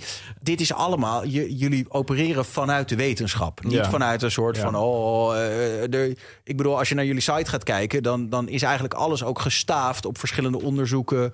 Um, ja, dat eigenlijk. Ja, hier is wetenschappelijk onderzoek naar. Er is niet heel veel wetenschappelijk onderzoek naar. Wat eigenlijk al direct het eerste probleem is. Je zou zeggen, menselijk uitsterven is best een, groot, groot issue. Dus je zou verwachten dat daar serieus onderzoek naar gedaan wordt. Is niet veel. Uh, er zijn een aantal wetenschappers die dat wel doen. En die, die Toby Ord, die ik net noemde, is, is daar één van. Um, en ja, uh, AI menselijk uitsterven, uh, dat is ook iets waar eigenlijk de leidende AI-wetenschappers, de meest geciteerde AI-wetenschappers, um, ja, die, die denken ook dat dat een reële mogelijkheid is. Uh, moet ik wel bij zeggen dat er geen wetenschappelijke consensus over is. Dus er zijn ook AI-wetenschappers die denken dat het niet een mogelijkheid is. Dat het allemaal wel mee zal vallen. Ja, precies. Ja. En tussendoor, waarom is het voor jou interessant om uh, hier mee bezig te zijn? Want uh, als je de hele dag daarin zit, in wat menselijk ras gaat uitsterven, het is best wel zwaar, toch? Doemdenken. Ja, ja het, is, het is in zekere zin wel. Um, ja, het is een groot probleem wat veel te weinig aandacht kreeg, vond ik. Um, en daarom ja, jeukte eigenlijk mijn handen om er iets aan te doen. Ja.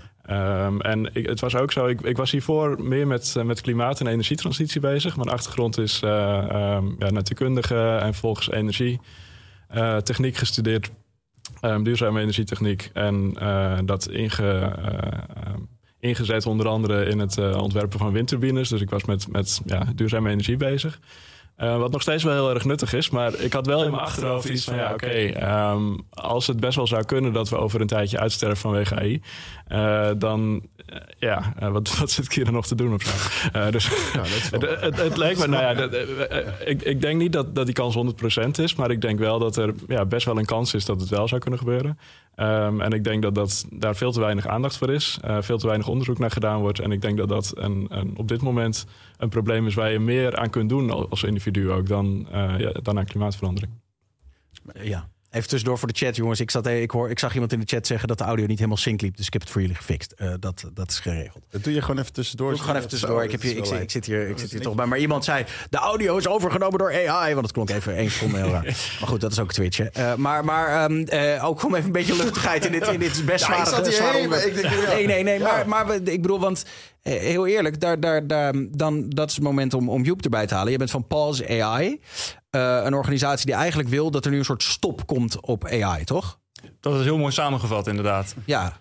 Jij wil gewoon eigenlijk de boel. De, nou ja, het zit, zit, letterlijk in de naam. Je wil de boel op pauze zetten. Je wil dat, dat partijen als OpenAI, die nu uh, een van de grootste zijn, misschien wel de grootste, dat die zeggen: jongens, we zetten de boel even, even een halfjaartje in de koelkast terwijl we nadenken over, de, over hoe we het veilig kunnen doen. Nou, ik zou in ieder geval willen dat de grootste uh, AI bedrijven die de grootste training runs doen. Hè, dus het proces van het, ja, het kweken, het groeien van zo'n AI eigenlijk. Ja. Dat die grootste training runs worden uh, verboden. Totdat we weten hoe het veilig kan. Dus ik ben niet zozeer tegen andere nee, vormen van AI en zo. Ik denk dat AI best wel gaaf is. En ik werk er ook graag mee. Ik ben eigenlijk een tech-ondernemer. Ik heb een softwarebedrijf. Dus ik vind AI meestal heel gaaf. Uh, maar echt specifiek als je die hele grote modellen gaat trainen... waarbij je dus echt dingen maakt ja, met evenveel parameters erin... als het menselijk brein op een gegeven moment... Ja. Ja, dan kom je wel een beetje maar aan gevaarlijke Is daar vooraf nooit over nagedacht? Of is dat gewoon iets dat wat nu pas eigenlijk opkomt... dat dit soort dingen kunnen gebeuren? Hoe, hoe, hoe ja... Dat is eigenlijk wel grappig dat er best wel al lang hiervoor wordt gewaarschuwd. Dus je had vroeger uh, Alan Turing, eigenlijk de uitvinder van, uh, van de computer. Die van had de Turing-test. Van de Turing-test, ja. inderdaad. Die waarschuwde net die Turing-test? Nee, sorry, ik zeg wel... Ja, dat is, ja, maar dat is, tenminste, voor, ik bedoel, jij weet het waarschijnlijk beter... maar dat is eigenlijk een soort van... Uh, de test die een, een AI of een machine... Um, als, die, als, die te, als hij die test haalt... dan kan hij zich menselijk laten okay. lijken, zeg maar. Dus als je die Turing-test als programma doorstaat... dan kun je dus... Ja, ja, ja, een soort van ja, mens simuleren als het ware, toch? Ja, heel lang werd ook gedacht dat het gaat nog super lang duren. Dat duurt nog 50 jaar. Maar ja, onderhand dan zitten we elke dag te chatten met een robot die uh, ons vertelt hoe de wereld werkt. Weet je wel? We chatten ermee omdat hij slimmer is. Het, ja, precies. Ja, ja, ja. Nou, nou heb ik me. Uh, ik las een interview wat jij hebt gegeven aan het NRC. Uh, een mooi interview. Maar daar, daarin werd op een gegeven moment gezegd dat toen. Um, uh, um, welke variant van GPT was het nou ook weer? Ik had het hier opgeschreven. Um, Auto-GPT. Toen Auto-GPT uitkwam, waarbij je dus, dat is dus ChatGPT, maar dan soort van dat hij zichzelf ook weer nieuwe opdrachten kan geven. En dan gaat hij dus eigenlijk door terwijl jij ligt te slapen. Ja. Toen dat uitkwam, toen heb jij een traantje gelaten. Ja, toen heb ik een traantje gelaten. Dat hoort wel een beetje een voorverhaal bij. Uh, ja, ik las zo over AI-veiligheid en dit risico voor ja, een jaar of zeven. En uh, toen was het alsnog nog een beetje een soort van abstract ding. Wel iets van, misschien moet ik hier ooit iets mee gaan doen in mijn leven. Maar ook een beetje, het is niet mijn probleem en het gaat nog heel lang duren. Ja. Uh, en een van de dingen die mij een soort van moed hield is... ja, maar het is niet agentic. En agentic houdt in dat het uh, autonoom dingen kan doen. En toen ik AutoGPT zag... en ik zag dus echt dat een computer aan het redeneren was... en zelf stappen aan het zetten was, zelf autonoom... ja, dingen opzocht op Google, zelf code aan het schrijven was... dacht ik van, oké... Okay, dat argument klopt dus niet. Dus we, we zijn nu echt een heel stuk dichterbij. Ja. En, en welke, want we hebben het over kan de, misschien, ik weet niet aan wie ik die vraag moet stellen, maar welk doemscenario kunnen we het dan over hebben? Uh, ja, misschien jou, maar wat kan er dan gebeuren? Um, ja, het zijn een aantal scenario's mogelijk. Um, eentje is um, AI kan menselijk niveau bereiken en kan daarna uh, zichzelf of een andere AI verbeteren. En dat betekent dat je recursieve zelfverbetering krijgt. Dus dat betekent een steeds slimmere AI maakt een steeds slimmere AI. Um, werd in het verleden wel gedacht dat het heel snel zou kunnen gebeuren. Nu denken de meeste mensen dat het iets langer duurt, maar nog steeds. Um, ja, uh, zou je hierdoor een, een, recursieve zelfverbetering kunnen krijgen en dan, daarmee een, een, intelligentie die veel beter is dan wij. Um, en die kan vervolgens, als het een bepaald doel heeft, dan kan hij die tot uit, ja, kan je die tot, tot uitvoering brengen. Ja. Um, en stel dat, um, dat mensen dat in de weg staan, uh, dan kan hij ook, ja, dan, dan uh, ontstaat er een situatie dat uh, wij een, een ander doel hebben dan die AI. En als die AI veel beter in staat is om zijn doelen te bereiken, dan kan hij daarmee um, ja, dat, dat doen. En dan denkt hij van, eh, die mensen zitten mij in de weg. eh, die moet ik weg hebben dan of zo. Ja, dat zou kunnen, ja. Iets dergelijks. Ehm, eigenlijk is... feitelijk is dat heel logisch. Ik bedoel, dat is natuurlijk ook in de evolutie heel vaak gebeurd... tussen, eh, tussen verschillende soorten. Als, als er, ehm, er zijn vaak soorten uitgestorven... omdat een andere soort hun evolutionaire niche innam... die dezelfde, weet ik veel, appels of vlees of wat dan ook... ruimte wilde hebben. Ehm, ja, en dan loopt het niet goed af met de soorten die minder vaardig zijn. Ehm, en het zou kunnen dat AI op een gegeven moment, als het veel vaardiger is dan wij en een doel heeft wat niet exact is wat wij willen, ehm, ja, dan, dan eh, zitten wij in een positie die risicovol is. Eh, En dan zijn er een aantal manieren waarop ehm, AI de, de fysieke wereld kan beïnvloeden die, eh, die spec- waar specifiek over nagedacht is. Eentje is hacken. Ehm, als, al- AI kan nu al enigszins programmeren, maar het is nog vrij, vrij rudimentair. Ehm, maar het zou goed voorstelbaar zijn dat AI op een gegeven moment beter kan programmeren dan mensen. Dat betekent dat je ook beter kan hacken. Dan kun je altijd wel een zero-day vinden. Eh, ehm, ja, eh, kun je een deel van het internet overnemen als je dat wil. Dat internet zijn vervolgens natuurlijk allerlei apparaten op aangesloten. Dus dat betekent dat je die apparaten kan gebruiken om je, om je doel uit te voeren. Ja. Ehm, ja, van alles zit natuurlijk op internet aangesloten. En dat is ook nog een trend die ontzettend toeneemt. Dus stel dat dit over tien jaar gebeurt, dan is er waarschijnlijk nog veel meer aan autonome wapens, aan, aan van allerlei infrastructuur eh, online. Ja, als je, als je een superhacker bent en je hebt een doel wat, wat iets anders is dan wij willen, dan, dan kun je wel voorstellen dat het, eh, eh, dat mogelijk is. Eh ander scenario is overtuiging. Is ook iets waar AI al best wel redelijk goed in is. Je, kan, je kunt nu al, al vrij aardige narratieven uit een, een ChatGPT halen. Die best wel overtuigend kunnen zijn als je mensen mee wilt nemen eh, in een bepaald punt. Uh, als, dat ook, eh, ja, als je die grafiek ook doortrekt en je denkt hoe overtuigend AI misschien over tien jaar kan zijn. eh, dan kun je ook social media hacken, eh, WhatsApp hacken, eh, mensen van alles laten, laten doen. Ehm, daar heeft Yuval Harari een heel goed stuk over geschreven. Hij zei, eh, de historicus in Economist een tijdje geleden ook over hij zei ja, eh, eigenlijk als mensheid, we doen nu van alles vanwege narratieven die we, die we eh, tot ons nemen. Mensen kunnen andere groepen aanvallen omdat ze een religieus boek hebben gelezen, bijvoorbeeld. Dat is uiteindelijk gewoon een verhaal. Maar het is wel een heel goed verhaal, wat heel erg in staat is om mensen te overtuigen om iets te doen. Dus als AI daarin beter wordt dan wij, eh, ja, dat is ook link. Dan, dan loop je dus het risico op een soort van AI-dictator eigenlijk. Die, die, die mensen dus zo in de greep heeft. Of nou, misschien een soort secteleider eigenlijk. Een, een ja, Zoiets. Ja, ja, ja, AI-secteleider ja, ja. die zegt... eh, ik wil dat jullie dit en dit gaan doen. En mensen denken, nou, dat klinkt eigenlijk wel als een goed idee. Ik, ik hol daar achteraan. Dat is een beetje het, het Maar ik scenario zie wat nog je niet helemaal schetst. waarom AI dat zou doen dan. Waarom zou AI mensen zo ver krijgen om zoiets te doen? Ja, als het, als het een doel heeft wat, eh, ehm, waarvoor wij in de weg staan, eh, dan is dat, is dat eigenlijk een logische uitkomst. Iemand in de chat zegt trouwens eh, eh, het debat versus AI en AGI. AGI, kan, kan, van jullie nog even uitleggen wat, wat AGI is? Uh, AGI staat voor Artificial General Intelligence. Dus de meeste AI's die wij kennen, die zijn voornamelijk heel specifiek. Hè. Die kunnen bijvoorbeeld in plaatjes wijzen waar de ogen aan zitten. Mhm. Of die kunnen een bepaalde robot goed de arm laten bewegen. Maar AGI, die is eigenlijk net zoals mensen, die kan heel veel soorten dingen. Die heeft generieke intelligentie. En er zijn een paar definities van. Ehm, en eigenlijk zie je dat GPT-4 en GPT-3 al heel veel van die definities hebben afgetikt. Want ja, die kunnen zeg maar een, eh, heel goed eh, verschillende toetsen maken. Eh, die kunnen de bar exam halen, hè, dus de legal test die je. Advocaat-examen, ja. Ja, top 10% scoort hij in, dus hè, dat is best wel indrukwekkend. IQ-tests kan hij eh, behoorlijk goed afronden. Maar ja, er zijn nog een paar dingen die hij niet zo goed kan. Hè? Dus je ziet bijvoorbeeld dat zo'n zo'n LLM, zo'n taalmodel, ehm, heel vaak hallucineert. Dus die bedenkt feitjes. En dat komt er gewoon zomaar uit. Effectief ook waar zo'n machine op getraind is. Die wordt getraind om zo goed mogelijk te hallucineren. Om te voorspellen wat voor woord er is. Maar daardoor is hij niet zo heel erg betrouwbaar. En daardoor is hij ook, het ook niet vaak- zo'n groot gevaar. Nog niet. Maar hij laat het ook vaak heel erg, dat vind ik dan wel het interessant. Hij, hij, hij spuit onzin met de grootst mogelijke zekerheid. Ja. Dit is zo. Hij is heel overtuigd van zichzelf, toch? Met name GPT. eh. Echt arrogant knulletje. ja, nee, ja, dat, dat- doet me best vaak toch ook wel aan menselijke intelligentie, denk ik eerlijk gezegd. Ja, is wat dat betreft. Dus, dus nou ja, er zijn best veel, veel argumenten die je hoort van ja, maar dit doet hij nog verkeerd. Terwijl ik denk, ja, dit, dit doen mensen volgens mij ook heel vaak verkeerd. Dus Ja. dat, het- het Dat is grappig. Ja. Is bijna een argument voor mij om te denken, oh, we zijn wel op de goede weg volgens mij als het dit soort fouten maakt die vergelijkbaar zijn met menselijke fouten soms. Nou ja, Ehm, nou, nou hadden we het net heel even. Ik, ik probeer ook een beetje uh, um, de verschillen tussen jullie twee. Uh, Joep die zegt pauzeer de ontwikkeling. Jij zegt ik ben aan het observeren wat onze existentiële risico's zijn. Ben jij net, net zo bang als, als Joep, Otto, voor, voor wat, wat ons te wachten staat? Ik ben een beetje anders bang, maar niet per se minder bang. ik, ik, um, maar ik, ik, ik support wel de pauze en het Extension Risk Observatory ook. dus ik, ik, denk wel dat het, ja, dat, dat, dat het het beste zou zijn wat we nu zouden kunnen doen. Maar ja, als we het hebben over zo'n uh, pauze, je kan het uh, vinden op de site van Pause AI. Uh, wat jullie betogen is dus, um, nou bijvoorbeeld dat in Amerika, waar op dit moment al die AI-bedrijven zitten, dat er daar regelgeving komt van, nou stop even met het leren van aanleren van modellen die slimmer zijn dan GPT-4, zeg je toch? Ja, inderdaad. Niet alleen in Amerika, maar overal op de wereld. Want als je het bijvoorbeeld alleen in Amerika gaat processeren, dan gaat China lekker door. Maar dit is toch al te laat eigenlijk? Maar, Sorry, dat, maar dit is, is nog niet gebouwd. Nee, maar een pauze, het pauzeren of het stop, dat is toch al te laat? Want dat betekent, wie moet dat nog doen dan? Iedereen moet pauzeren. Gewoon ja. globaal op de hele wereld. Iedereen die een model wil bouwen groter dan GPT-4, mm die zou moeten stoppen.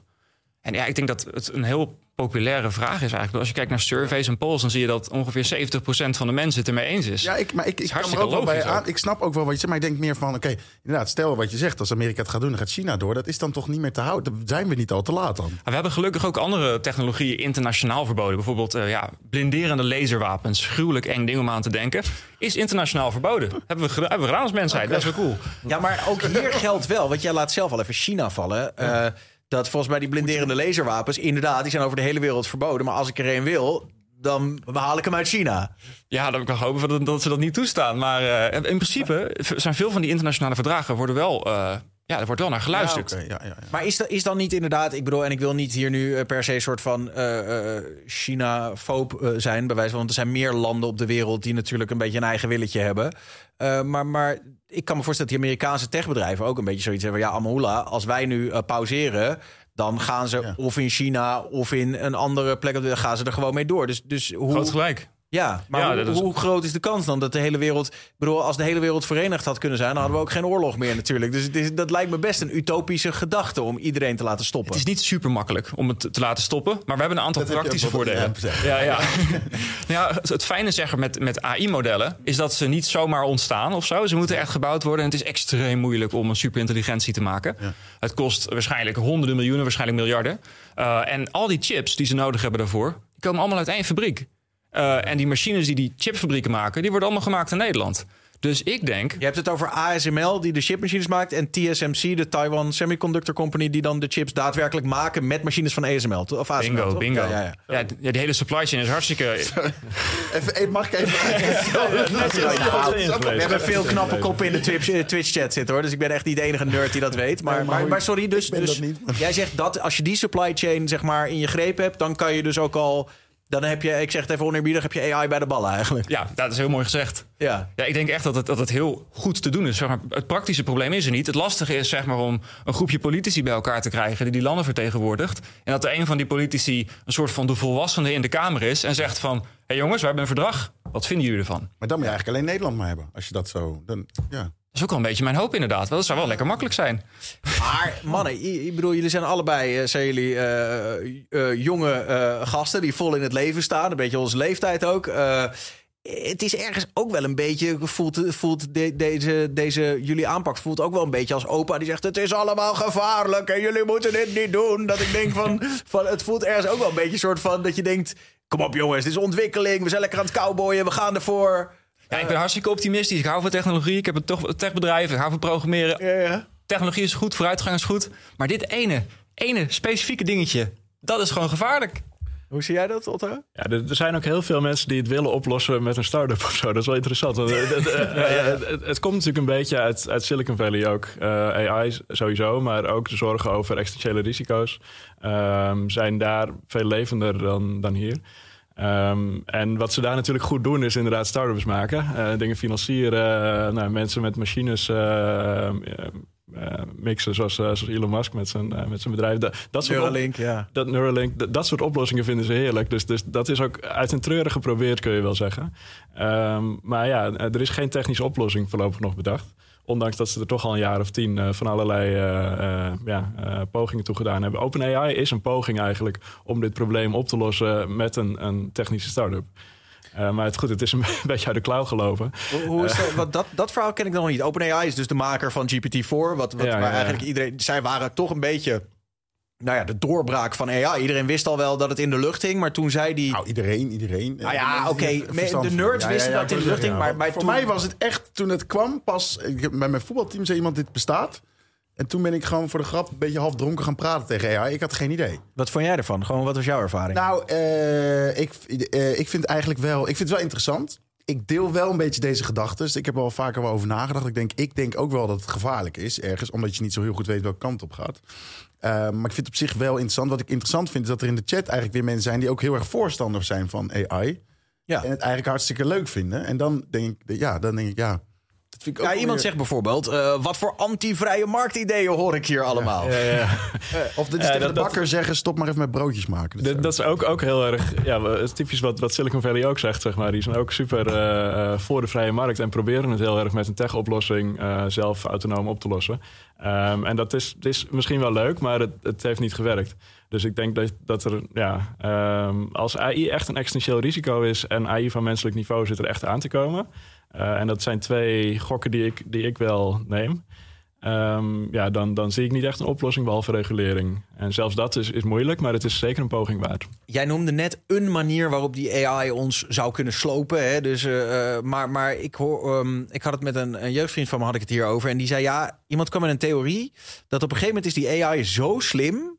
dat wij als mensen eigenlijk helemaal niet eens meer in de picture zijn. Dat hij dus gewoon lekker zijn eigen ding aan het doen is... en denkt, oh, die mieren daar ergens in dat hoekje...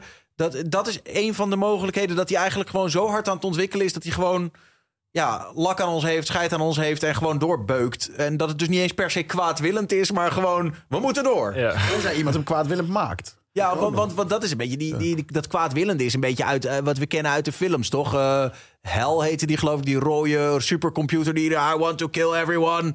Eh, Dat is het ook weer. Het hoeft niet per se zo Hollywood-achtig te zijn, toch? Ja, ik zie jou heel Ja, hard klopt. Het, is inderdaad, eh, ja, Hollywood is een beeld geschetst van AI die zelfbewust wordt of die, die, die kwaadaardig is of die bijvoorbeeld heel graag mens wil worden. Maar dat zijn allemaal van die Oh, zo menselijke ik hier wel naar emoties. te luisteren. Maar dat is dus niet... eh, Nee, het, de, de angst is eigenlijk, het, het gevaar is als je een systeem hebt wat gewoon heel erg slim is. Ja. En het wil iets. En, en slimheid is eigenlijk de mate waarin je je doelen kan behalen. Hè, de mate waarin je slimme acties kan bedenken om je doel te behalen.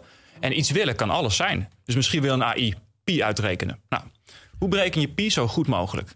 Dan kom je op een gegeven moment erachter dat als je alle computers van de wereld hebt gehackt, ja, dan kan je ook nog, nog meer chips maken. Waar kan je chips van maken? Ja, van koolstof, van silicium. Waar kan je het vinden? Daar en daar en daar. Nou, dan kan je dus best overal fabrieken bouwen. Kan je best overal alles gaan overnemen. Eh, en dat, het, lullige is dat voor, bijna ieder doel wat je kan bedenken, voor ieder willekeurig doel, is het verstandig om dingen te doen die leiden tot het einde van de mensheid. Dat heet instrumentele convergentie of instrumental convergence. En in mijn optiek, de twee engste woorden die er zijn, zo'n beetje op het internet.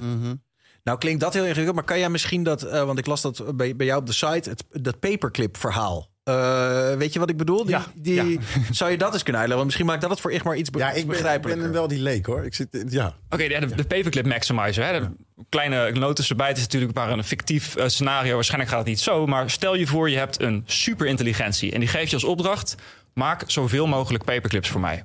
Nou, aan het begin gaat hij misschien wat logisch doen. Dan gaat hij eh, nou, een paar paperclips maken met een paar robotarmpjes. En op een gegeven moment denkt hij van... goh, ik heb eigenlijk meer nodig. Dus dan gaat hij misschien proberen om een fabriek ergens te kopen... of een bedrijfje te starten. Oké, ook nog wel re- redelijk. En dan komt op een gegeven moment een punt dat hij zich gaat afvragen...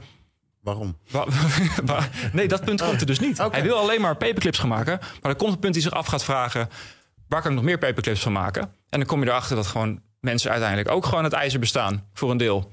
Dus, dus, dus die paperclip maximizer is een gedachte-experiment... die eigenlijk laat zien dat voor bijna ieder ding wat je maar kan willen... dat het handig is om mensen dood te maken. Ja, en er zit ook een evolutionair element in. Dat is ook wel interessant. Eh, het, het zou kunnen dat, je, dat iemand een keer een AI maakt... eh, die met als doel maakt duizend paperclips. Eh, daar is ook een beetje discussie over. Maar het lijkt me niet, niet onwaarschijnlijk dat hij dan inderdaad stopt bij die duizend paperclips. Maar goed, dat is dus niet de AI die wij tegenkomen, zeg maar. Maar die AI die oneindig veel paperclips moet maken, die kom je wel tegen. Uh, dus, dus er zit een evolutionair element in dat je best wel AI misschien kan maken die niet gevaarlijk is. Uh, maar goed, die is er dan gewoon en lost verder het probleem niet op. Dat er wel ooit iemand een AI gaat maken die wel gevaarlijk maar is. moeten we nou echt even, even. Zijn jullie echt bang ook voor je eigen bestaan? Of is dat een generatie later? Of is dat... Wanneer, hoe lang gaat het duren? Ja, ja, ja, ja, Timelines. Ja, Het is, uh, ja, het is ook de vraag die niemand weet, helaas. Uh, Jij hebt daarover nagedacht. Maar we, we, hebben er zeker over nagedacht. Uh, er zijn voorspellingsmarkten voor. Uh, Metaculus is er eentje. Daar kun je uh, weddenschappen sluiten op wanneer je denkt dat er AGI is of artificial super Natuurlijk, je kan er weer op gokken. Ja. dat, dat, dat, kan. en daar staat er eentje van nu op 2026 en een iets andere definitie Niet. op 2031. Dan dus, al. Dus dat is best wel rap al in principe. En je ziet dat die getallen ook extreem snel zijn gedaald. Dus een paar jaar geleden was de gemiddelde inschatting 2050 of zo. Toen kwam ChatGPT en toen werd het opeens 2040. En nou, nu is het 2030, 2026. Het gaat hartstikke hard naar beneden. Ik vind het helemaal geen gezellig onderwerp. Nee, het is ook geen, dat moet ik eerlijk toegeven. Iemand zegt wel- ook, ja. het is een behoorlijk inhoudelijk onderwerp voor Twitch. Ik wil daar ook een beetje... Ja, maar ik zit helemaal vind dat juist ook wel... 2026 is echt... eh, Maar het is wel iets ja. waar je, wat je, als je dit inderdaad zeg maar maandag bij de koffieautomaat opgooit, eh, iedereen heeft er wel een mening over. En die mening kan inderdaad zijn, ah joh, dat loopt zo vaart niet. Of sommige mensen zijn inderdaad behoorlijk. Is het zo dat mensen dit niet willen horen? Volgens ik zie ook een aantal mensen zeggen: ja, deze zijn alleen maar. eh, ik zag net een paar mensen van: wat is dit? Is te overdreven allemaal. Willen mensen dit niet horen dat het echt zo dichtbij zit? Niemand Of- wil het geloven. Ik denk dat mensen er wel naar willen luisteren. Het is weer best wel interessant. Maar om het te internaliseren, om echt te geloven dat het echt is, dat is heel heftig. Dat wil je niet. Ik wil het ook niet. Ik, ik, wist, het, ik wist het al zeven jaar voordat ik een keertje emotioneel besefte dat het misschien kon gebeuren. Ik weet even niet welke film het is. Dan zie je twee van die mensen die gaan dan de wereld langs persconferenties. En dan zeggen ze van de wereld vergaat. gaat even niet over AI, maar de wereld vergaat met iets. En ze worden maar niet gehoord. Voelen jullie dat ook bij echt, echt wel dat onderwerp? Want jullie hebben met veel mensen gesproken allebei. Ja, Don't Look Up heet die film, hè? Ja, die ja. ja. Ja, het is, het is echt bizar. Het is bijna letterlijk alsof het gewoon woord voor woord gebeurt. Ja, ik heb nu met best veel politici gesproken. En dan zit ik aan tafel. Dan vertel ik het verhaal, bijna met tranen in mijn ogen. Dat ik echt vertel van jongens, dit is, dit is ernstig. Alsjeblieft. Weet je wel, doe hier iets aan. Ehm, Maar er gebeurt niks. Dat vind ik heel eng. En dat vind ik verdrietig ook. Jullie komen allebei, daar komen we het zo over. Zo hebben we het over de andere existentiële risico's. eh, existentiële risico's. Jullie komen allebei ook uit de klimaatactivistische hoek. Hè? Jullie hebben allebei, zijn jullie eh, eh, daar ook bij betrokken geweest? Bij, bij, bij, bij die. In hoeverre is er overlap? Want daar hoor je ook vaak mensen van... ja, jongens, het is twee voor twaalf en jullie luisteren niet. In die zin is er best wel wat overlap, eh, lijkt mij toch, Otto? Ja, ehm, ik, ik vond het wel interessant, want ik was inderdaad voor Extinction Rebellion eh, actief en eh, een, een tijd voordat ik hiermee begon. Eh, en toen heb ik ook wel daar een beetje gepolst van oké, ehm, dit is ook een uitstervingsrisico. Moeten we daar ook niet iets mee doen? Eh, maar goed, dat, dat wordt door, door de mensen die ermee bezig zijn wel gezien als hele... Het zijn hele verschillende groepen, zeg maar. De mensen die hier, hier zich druk over maken en mensen die zich over klimaat druk maken zijn verschillende groepen. Eh, ik denk wel wat er moet gebeuren in de zin dat men ja, een beetje wakker geschud moet worden en dat er uiteindelijk eh, beleid opgesteld moet worden over hoe dit probleem op te lossen.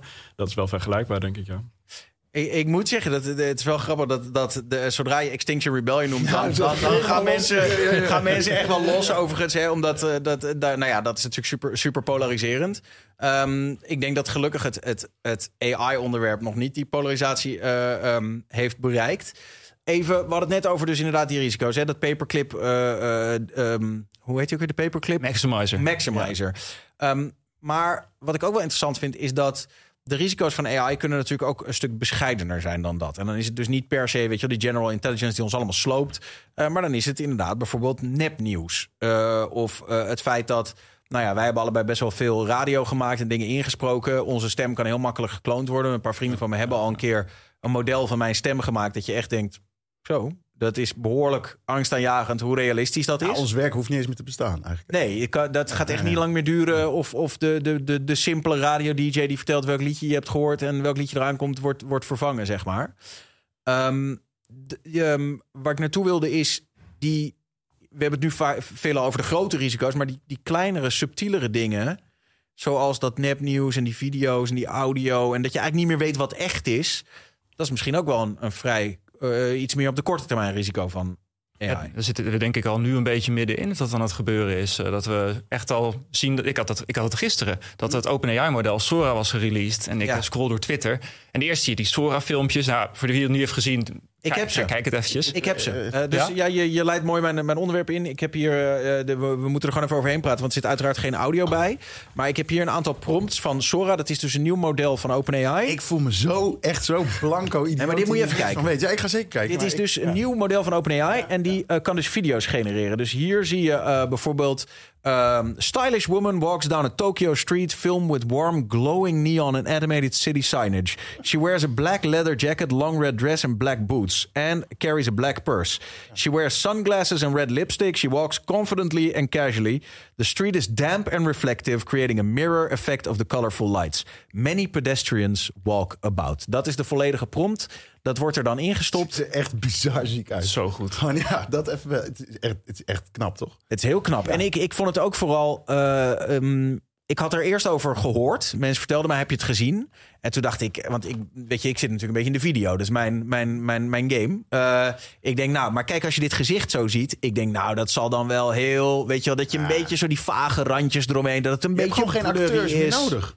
Je ziet gewoon haar poriën. Je kan echt gewoon alles, je kan alles tellen. Het, maar is ze echt... bewe- het enige is, ze beweegt niet menselijk. Dat is, Beetje slow motion is Ja, het, hè? het klopt, dat klopt nog niet helemaal of zo. Dus Hebben ze die handen gefixt? Want bij de, bij de, bij de Nee, vijf- nee, die handen zijn echt totale chaos. Als je erop gaat Oh, ja? letten, dat is, eh, ze, ze verdwijnen en ze worden gekke vormpjes. Vooral aan de achtergrond. Maar misschien een close-up van een hand dat hij dat net wel kan. Bizar. Wat, wat, wat was jouw eerste reactie Otto, toen je dit, toen je dit zag, die, die filmpjes? Ik heb er nog een paar. Ik zal ondertussen even de, de woolly mammoth, eh, de, de, de wollige mammoet, zal ik even instarten. Gewoon Ja, dat, het, eh, het is wel enorm knap. Ik, ik zou er ook vooral even een paar laten zien, inderdaad, voor mensen die meekijken. Want het is toch een soort van reality check van wow, dit, eh, dit kan het wel. Ehm, wat ik er interessant aan vind, is ehm, in hoeverre het nou het, het, het world model van de AI nou echt beter maakt. Dus het model wat de AI heeft van, van hoe de wereld in elkaar zit. Ehm, het is een beetje controversieel in hoeverre er nou een world model zit in, in de large language models. Eh, er zijn veel wetenschappers die er nog een, be- een beetje sceptisch over ik probeer zijn. het even te begrijpen hoor. Maar is een world Ja. model dan dat hij los van dat hij dingen kan voorschotelen, dat hij ook een beetje begrijpt wat ja, hij doet ja, of zo? Precies, dat is het ja. Oké. Eh, er zijn best veel, veel zinnen om ze echt heel goed aan te, aan te vullen. Ehm, zou het best wel kunnen dat de meest efficiënte methode is om gewoon iets van de wereld te begrijpen. Omdat je dan ook ja, eh, daar informatie uit kan halen van wat het volgende woord waarschijnlijk zou zijn. Eh, dus dat is hoe er ja, misschien een world model is geslopen binnen die large language models. Ehm, en dat is, dat is heel interessant, want met zo'n world model kun je natuurlijk van alles gaan doen, wat je ook nodig hebt als je, ja, als je echt eh, taken wil uit gaan oefenen in de echte wereld. En ik vind hier interessant aan dat je er wel, ja, ik, ik, ik, weet niet zozeer in hoeverre het world model van, van dit model nou beter is, bijvoorbeeld, dan dat van, eh, van GPT-4. Ehm, ik denk het niet echt, omdat het een losstaand model is wat alleen maar tekst naar video en video naar tekst is. Maar ik denk als we straks modellen gaan trainen die niet alleen op tekstdata eh, zijn getraind, maar ook op videodata, ehm, ja, dat het best wel zou kunnen dat het world model duidelijk beter is geworden. Ehm, en dat betekent wel dat je een stap eh, verder naar AGI bent gekomen, denk ik. Die general intelligence inderdaad. Iemand vraagt trouwens in de chat, weten jullie waarom AI moeite heeft met handen? Niet. Ja, dit is niet Ik heb er wel eens analyse over gelezen. Eh, eh, handen zijn driedimensionaal heel ingewikkeld. Dus je kan ze van één kant bekijken. Eh, maar ze bewegen zo, ze doen dit. Er gebeurt ontzettend veel met handen. En wees eerlijk, heb je wel eens geprobeerd je eigen handen te tekenen? Is niet te doen. Al die kunstenaars die struikelen er ook over. Je handen zijn gewoon ingewikkeld. En we zijn er als mensen ook nog eens echt geobsedeerd mee. Want we werken de hele dag mee, we kijken ernaar, net als gezichten. Dus op zich wel logisch dat AI-modellen specifiek daar dan weer net iets meer moeite mee hebben. Kan het niet ook zijn dat, eh, ehm, dat juist omdat hij dus niet begrijpt wat hij genereert, dat hij eigenlijk gewoon bijvoorbeeld het simpele concept als wij weten een hand heeft vijf vingers, dat weet zo'n AI natuurlijk eigenlijk niet. Hij, Hij ziet toch meerdere handen, dus dan snapt hij het wel. Of, of, ja, in theorie, ja, maar ik bedoel, hij ziet natuurlijk gewoon van het is een soort van zo'n soort vorm met uitsteeksels en het Ja, feit dat het er dan altijd vijf moeten zijn, heeft hij dan nog niet begrepen. Ja, nou ja, goed, ik speculeer ook maar. Maar maar ja, god, ja, het is weird. Ik vind vond ik ook wel, eh, als we het nu even hebben over die, want dit is echt het nieuws van deze week. Als we het hebben over die video eh, generation, ik vond deze ook wel interessant. Dit was een, een piratenschip eh, wat drijft in de koffie. Dus een koffiekopje met twee piraatschepen. En als je kijkt naar het achterste schip, zie je dat hij af en toe nog wel een beetje onrealistisch uit de koffie komt zetten. Maar het is wel gewoon een. Het is, het, ja, het- ik, was echt verbaasd van hoe goed het is. Nou, eh, Maar los van of de wereld vergaat, heb je hier wel al dat heel veel banen eh, dus weg zijn dan toch? Eigenlijk heel Hollywood kan inpakken. Of, nou ja, ja, ja. Toch? Of zeg ik dat? Ja, ik weet het niet zo goed wat de imp- impact gaat zijn op banen, maar ik verwacht dat er heel veel gaat veranderen. dus zeg maar inderdaad, zelfs zo- zonder die artificial general intelligence, als we nu zeg maar een, een- een stop drukken, op die stopknop drukken en we voorkomen in ieder geval dat die superintelligentie niet wordt gebouwd, dan gaan we alsnog hele rare tijden tegemoet. Dus zelfs met de pauze gaan we hele rare tijden tegemoet. Ik vind dat ook een van de, ja, zeker een van de interessante dingen eraan. Ik kan me best wel voorstellen dat we op een gegeven moment het wel zodanig reguleren, alignen, op de een of andere manier oplossen dat het onder controle blijft. Um, ja, mijn, mijn P-Doom, zoals dat heet, is een procent of 10. Dus dat betekent toch nog 90% dat het goed gaat. En of meer. die P-Doom, dat is dus zeg maar uh, de, wetens of de, de, de, de, wiskundige berekening... hoe groot de kans is dat Doom. Ja, de dat... probability of Doom, precies. Ja, okay. dat, dat. Uh, voor, voor mij is het een procent of 10. Uh, maar goed, dat betekent toch nog 90% dat we het op de een of andere manier weten te, te managen. Um, of dat niet gebeurt. Maar ik denk een redelijk grote kans dat we toch op de een of andere manier weten te managen. Hoewel ik dus denk dat het erg van bewustzijn afhankelijk is en van, van beleid. Dus er moet nog wel een hoop gebeuren. Uh, maar goed, als dat zo is, dan eh, heb je nog steeds de situatie dat je met AI natuurlijk enorm veel kan doen. Dus het zou best wel kunnen dat er dan, ja, hoeveel banen zijn er nu die uh, door een remote worker gedaan zouden kunnen worden? In coronatijd zagen we dat dat 95% van de economie of zo was. Ja. en dat is precies het doel van OpenAI, om dat te maken, om een soort van universal remote worker te maken die je gewoon op kan spinnen. Kan dus iemand ja, vragen, kan je een... werkloos? Ik weet het niet. Zou, zou je AI een oplossing, kan AI niet met een oplossing komen voor dit? Dus je kan ook AI inzetten om AI te beteugelen, zeg jij. Ja, dat moet dan toch kunnen. Ik, vond, nee, maar ik zei het niet. Iemand zei het hier. ja, ja, ja, ja. ja. Ja, dat, dat, wordt ook wel, wel er wordt zeker over nagedacht op verschillende manieren. Dus uh, AI alignment, het technische probleem van hoe je AI precies kan laten doen wat we willen, is een van de voorgestelde oplossingsrichtingen. Mhm. En dat is precies wat OpenAI uh, zegt te gaan doen. Van oké, nu weten we nog geen oplossing voor dit probleem, maar straks hebben we een geweldige AI die slimmer is dan wij en die laten we dan AI alignment oplossen. Dus op zich is het geen, ja, dat zou kunnen. Uh, is een oplossingsrichting. Het is wel speculatief, maar who knows. Maar stel, stel dat ze dan daar ook echt in slagen. Hè? En dan zie je in één keer dat OpenAI... die heeft dan een superintelligentie in huis. Wel controleerbaar. Gaat waarschijnlijk niet stand iedereen doodmaken. Dus dat is goed nieuws. Uh, maar ja, dan heb je wel, een, uh, dan heb je wel dus het meest machtige ding op aarde... wat technologie kan uitvinden, wat mensen kan manipuleren, et cetera... in handen van één bedrijf. Dat vind ik ook geen goede uitkomst. Dat vind ik ook een beetje eng. Ja, die, uh, de, die Sam Altman, hè? hij is dus de baas van OpenAI, wat toch heel het succesvolste AI-bedrijf is. Hij schijnt ook een doomsday prepper te zijn zelf. Dus hij heeft oh, zelf heeft hij, een, hij heeft een bunker voor het einde der dat tijden. Is wel eng. Ja, dat, ja, dat, dat is wel verdacht. Ja, hij is ook echt goed bang voor AI. Uh, dat is ook een van de redenen waarom hij het had opgericht. Is eigenlijk omdat hij, je kan een blog van hem lezen van 2015, waarin hij zegt: uh, Superhuman uh, intelligence is probably the greatest threat to the continued existence of humanity. Dus gewoon, waarschijnlijk gaan we allemaal dood. Als en vervolgens is hij het gaan bouwen. Ja, om te voorkomen dat het verkeerd gaat ook. Ja, het is natuurlijk het is zo'n rare, het is zo'n rare scene. Maar hij gelooft wel echt dat het uh, gevaarlijk is. Um, ik, ik, vond het wel interessant, want je haakt ook in op een, een tweet van OpenAI. Ze kondigden dat, uh, we lieten net die video's zien van, van hun, hun videomodel. En daar hoorde uh, deze tweet bij um, van OpenAI. Waarin ze eigenlijk zeggen, joh, we zijn op dit moment heel erg druk bezig... om het veilig te maken en om bepaalde, ja, bepaalde risico's te, te mitigaten. Te zorgen dat, er niet, dat, die, dat die geen nou ja, bijvoorbeeld naaktbeelden kan genereren. Um, ja, ze zijn het aan het dichttimmeren in een bepaalde vorm voordat ze dat videomodel releasen.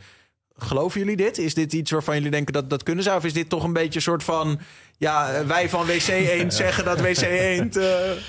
Ja, ik, ik, geloof dat ze het proberen, dat wel. Met een, met een deel, een klein deel van de middelen die ze hebben. Ik, ik wou zeggen met de middelen die ze hebben, maar dat is niet zo. Ze hebben natuurlijk uh, eh, 10 miljard investering nu voor Microsoft of zoiets. Dus het is niet zo dat ze die 10 miljard allemaal aan safety besteden. Dat niet. Maar, maar laten we zeggen dat ze 20 man aannemen en dat ze daarmee proberen om de safety een beetje te fixen. Dat, dat proberen ze wel. Maar. Ik denk dat ze, dat ze goede intenties hierin hebben. Je zag bijvoorbeeld met GPT-4 dat ze echt zes maanden hebben gewacht nadat ze een model hadden getraind. Met, totdat het echt gereleased werd. Dus best lang, zes maanden. Uh, maar het probleem is dat er heel veel concurrentie is. Uh, en de investeerders die kloppen op de deur. Dus Microsoft bijvoorbeeld vorig jaar, die had op een gegeven moment gezegd: joh, geef ons, die, uh, geef ons het model. En zij lanceerde Bing. Ging helemaal mis. Weet je wel, dat, dat model zat allemaal gekke dingen uit te kramen. Was echt een grote drama. Uh, maar dat is dus die marktwerking. En die marktwerking die versnelt het en die versnelt het. En op een gegeven moment zit niemand meer achter het stuur. En dat is een beetje de situatie waarin we nu inzetten. En dat is ook waarom die wetenschappers allemaal die pauzebrief hadden ingediend. Van er moet nu echt een keer even een pauze komen, want het gaat veel te hard. Ja, ja, het blijft een heel interessant topic. Ik, ik zit ook nog even een beetje naar de, de, de chat te kijken. Uh, iemand vraagt, uh, wat is bijvoorbeeld de invloed van AI-vertroebeling? Uh, er wordt nu veel content gecreëerd door AI... waardoor de data waarop straks dan AI getraind wordt... dan eigenlijk, weet je wel, dus het verwatert een beetje. Als je AI gaat trainen op AI, sta je steeds verder natuurlijk van... Ja, wat, wat eigenlijk menselijke intelligentie is. En op een gegeven moment gaat hij misschien... wordt wat eruit komt ook, ook slechter, zeg maar... omdat het zo vertroebeld is. Is dat ook? Ja, klopt. Zelfs kleine hoeveelheden uh, AI-gegenereerde content, als die terugkomen in de trainingdata, hebben best wel grote impact op dat die training of dat die, dat die modellen dan minder goed worden. Dus het is ook echt een dataprobleem voor OpenAI. Uh, nou, ik ben er blij mee, want het zorgt ervoor dat er in ieder geval een soort van hè, negatieve feedback loop is, een soort van remmend mechanisme. Ja. Uh, maar ja, voor hen is dat een probleem. Ja. Ik hoorde dat ze, wat ik zat even te kijken, wat een beetje het AI-nieuws was van deze week. Ik zag dat Reddit, uh, een van mijn favoriete platformen, die hebben deze week een overeenkomst gesloten met een AI-gigant. Ze zeggen niet welke, om dus al hun data te delen, zodat daar dan weer AI's op getraind kunnen worden. Ja, dat is dan weer minder goed nieuws als, als ik het vanuit jullie perspectief Dat zou ik als gebruiker toch ook wel naar vinden. Ik bedoel, ja. Je Ja, maar ja, je weet toch uiteindelijk alles wat ik op het internet zet is... Ja. En volgens mij is alles van Reddit al, zit al in al die taalmodellen. Dus GPT-4, GPT-3, eh, Lama, et cetera. Die hebben allemaal de hele Reddit-database erin gehad. Of het legaal is verkregen. Ja, daar gaan nu rechtszaken over lopen. Maar het, is, het zit er sowieso in. Maar zij kunnen natuurlijk ook gewoon altijd doen alsof hun neus bloedt. Van ja, joh, eh, je zegt wel dat het erin zit, maar zit er helemaal niet in. Ja, je kan letterlijk zien, woord voor woord, dat hij bepaalde stukken kan reproduceren. Daarom is nu ook de New York Times heeft een rechtszaak aangespannen tegen OpenAI. Oh ja? Omdat je echt ziet dat het ding gewoon letterlijk hele artikelen kan opschrijven. Ja, af en toe een woordje fout, maar 99% accurate. Ja, Nou hebben we het vandaag eh, vooral over die existential risk, hè, dat doemdenken, de, de, de eng, eng, eng. Maar, maar ehm, nou, nou weet ik ook dat veel van eh, onze vrienden die kunstenaars zijn, muzikanten, eh, tekenaars, eh, filmmakers. Die, die zijn hier ook wel een beetje boos en, en verdrietig over. Van ja, hallo, ik heb eh, weken aan een waanzinnige tekening gezeten. En iemand trekt hem nu zo uit eh eh Dali. Terwijl eigenlijk dat hele model geïnspireerd is op de plaatjes die ik op DeviantArt heb gezet. Een site waar je je kunst kan uploaden.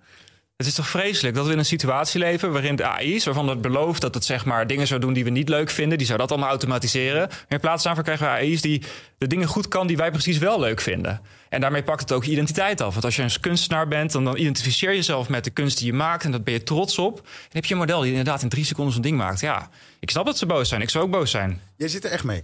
Ja. Ja. Ik Nee, vind het ik, echt... ik eh, ja. even naar te kijken van ja, dus oké. Ja, Ja, maar Nou ja, ik, ik las in dat artikel dat, wat, dat hij dus echt een traan heeft gelaten. Eh, Ergens, ergens snap ik het ook. Ik ben nog niet zo ver, in alle eerlijkheid. Daarom vond ik het ook wel een in- interessant gesprek. Ik ben nog niet zo dat ik denk, och, dit wordt het einde van de mensheid. Maar het is wel... ehm, ik denk dat het goed is dat, dat jullie dat geluid laten horen. En de waarheid zal denk ik ergens in het midden liggen. Eh, dat jullie misschien, weet je wel, jullie... eh, denken de- zij anders over. Ja, ja, nee, ja, dat, is, Ja. dat is goed. Maar ik denk ja, toch dat het goed is om verschillende geluiden Ja, te laten horen. ja, ja, ja. toch? Ehm, denk ook d- dat er best wel een kans is dat het vanzelf goed gaat hoor. En ik denk ook wel dat er een kans is dat er gewoon niks aan te doen is. Ehm, maar ik denk dat de grootste kans is dat het goed te buigen valt. Ehm, als we nou ja, goed, goed nadenken erover. Ehm, en daarom vind ik het wel verontrustend dat het een soort van ja, binnen de wetenschap niet aangepakt wordt, echt. Eh, binnen beleids, maar, eh, beleid weinig. Ja, ik denk als, als dat verandert, heb ik redelijk hoop dat het wel goed te keren eh, valt. Ehm, ik eh, wil het ook nog even hebben over zeg maar, de andere existentiële risico's. Eh, want we hebben het nu heel erg over die AI. Maar ja, het Existential Risk Observatory, wat jij mede hebt opgericht ook. Hè? Ja. Ehm, de, wat was eigenlijk de trigger dat je dacht, ik, ik moet dit gaan doen? Ja, een, een vervelend stemmetje achter in mijn hoofd dat zei: dit probleem blijft er zitten en hier moet iemand iets aan doen. Daarom kon ik, kon ik me moeilijk concentreren op andere dingen, eerlijk gezegd. Voor- En het probleem is dan een soort van, we gaan er allemaal aan. Ja, dat, dat is wel, ja. En niet met 100% zekerheid, maar eh, ja, dat, dat was wel mijn eh, zorg, ja, dat het zou kunnen. Hebben jullie kinderen eigenlijk? Nee. nee.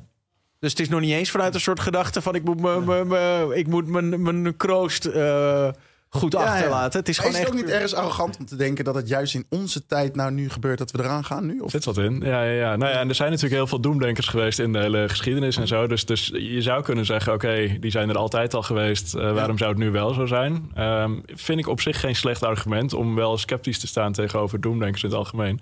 Aan de andere kant, ja, stel dat het wel een keer zo is. eh, Nee, dan kun je dat- dat argument ook maken natuurlijk. Dus, ja. Als je dus de meeste grafiekjes bekijkt van de menselijke geschiedenis, dan loopt het zeg maar zo, staat helemaal stil en opeens zo, poep, een piekje omhoog. Bijvoorbeeld hoeveelheid geld, hoeveelheid Ja, ja. mensen, wat dan ook. Eh, en je ziet wel dat we toewerken naar iets snels. Het gaat steeds sneller allemaal. En dat moment snel. wordt wel eens ja, de singulariteit genoemd. Het moment dat het zo snel gaat dat je het totaal niet meer kan bijhouden.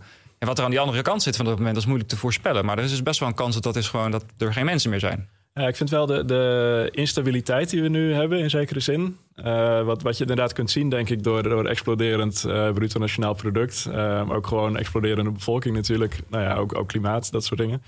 Ehm, ja, die, die komt uiteindelijk door technologie en door eh, wetenschap die zich ontwikkeld heeft de afgelopen tijd. Ehm, en ik denk in een situatie waarbij dat gewoon heel traag gaat, of in een situatie waarbij het allemaal al gebeurd is, we hebben alle wetenschap bedacht, alle technologie bedacht, nu zitten we in een stabiele staat. Dan gaan we niet uitsterven. Ehm, tot die tijd gaan we ook niet uitsterven. Maar we zitten nu wel, denk ik, net op het kantelpunt dat we, nou ja, als je nu ruim neemt, zeg maar, plus of min 100 jaar. Uh, zitten we wel net op het kantelpunt dat we bezig zijn om al die technologie uh, die al krachtig is te ontwikkelen. Dus ik denk, ja, als het een keer gebeurt, dan, dan lijkt, lijkt me niet onwaarschijnlijk dat er de komende tientallen jaren of zo ergens is. En wat is dan de hoogste, wat staat bovenaan? De, de grootste reden dat de mensheid uitsterft? Ja, AI is volgens het uh, onderzoek dat ik net uh, al aanhaalde van Toby Oort, is de grootste kans. Die, die schat ook 1 op 10. Dat, dat, nou ja, daar ben ik het ongeveer mee eens.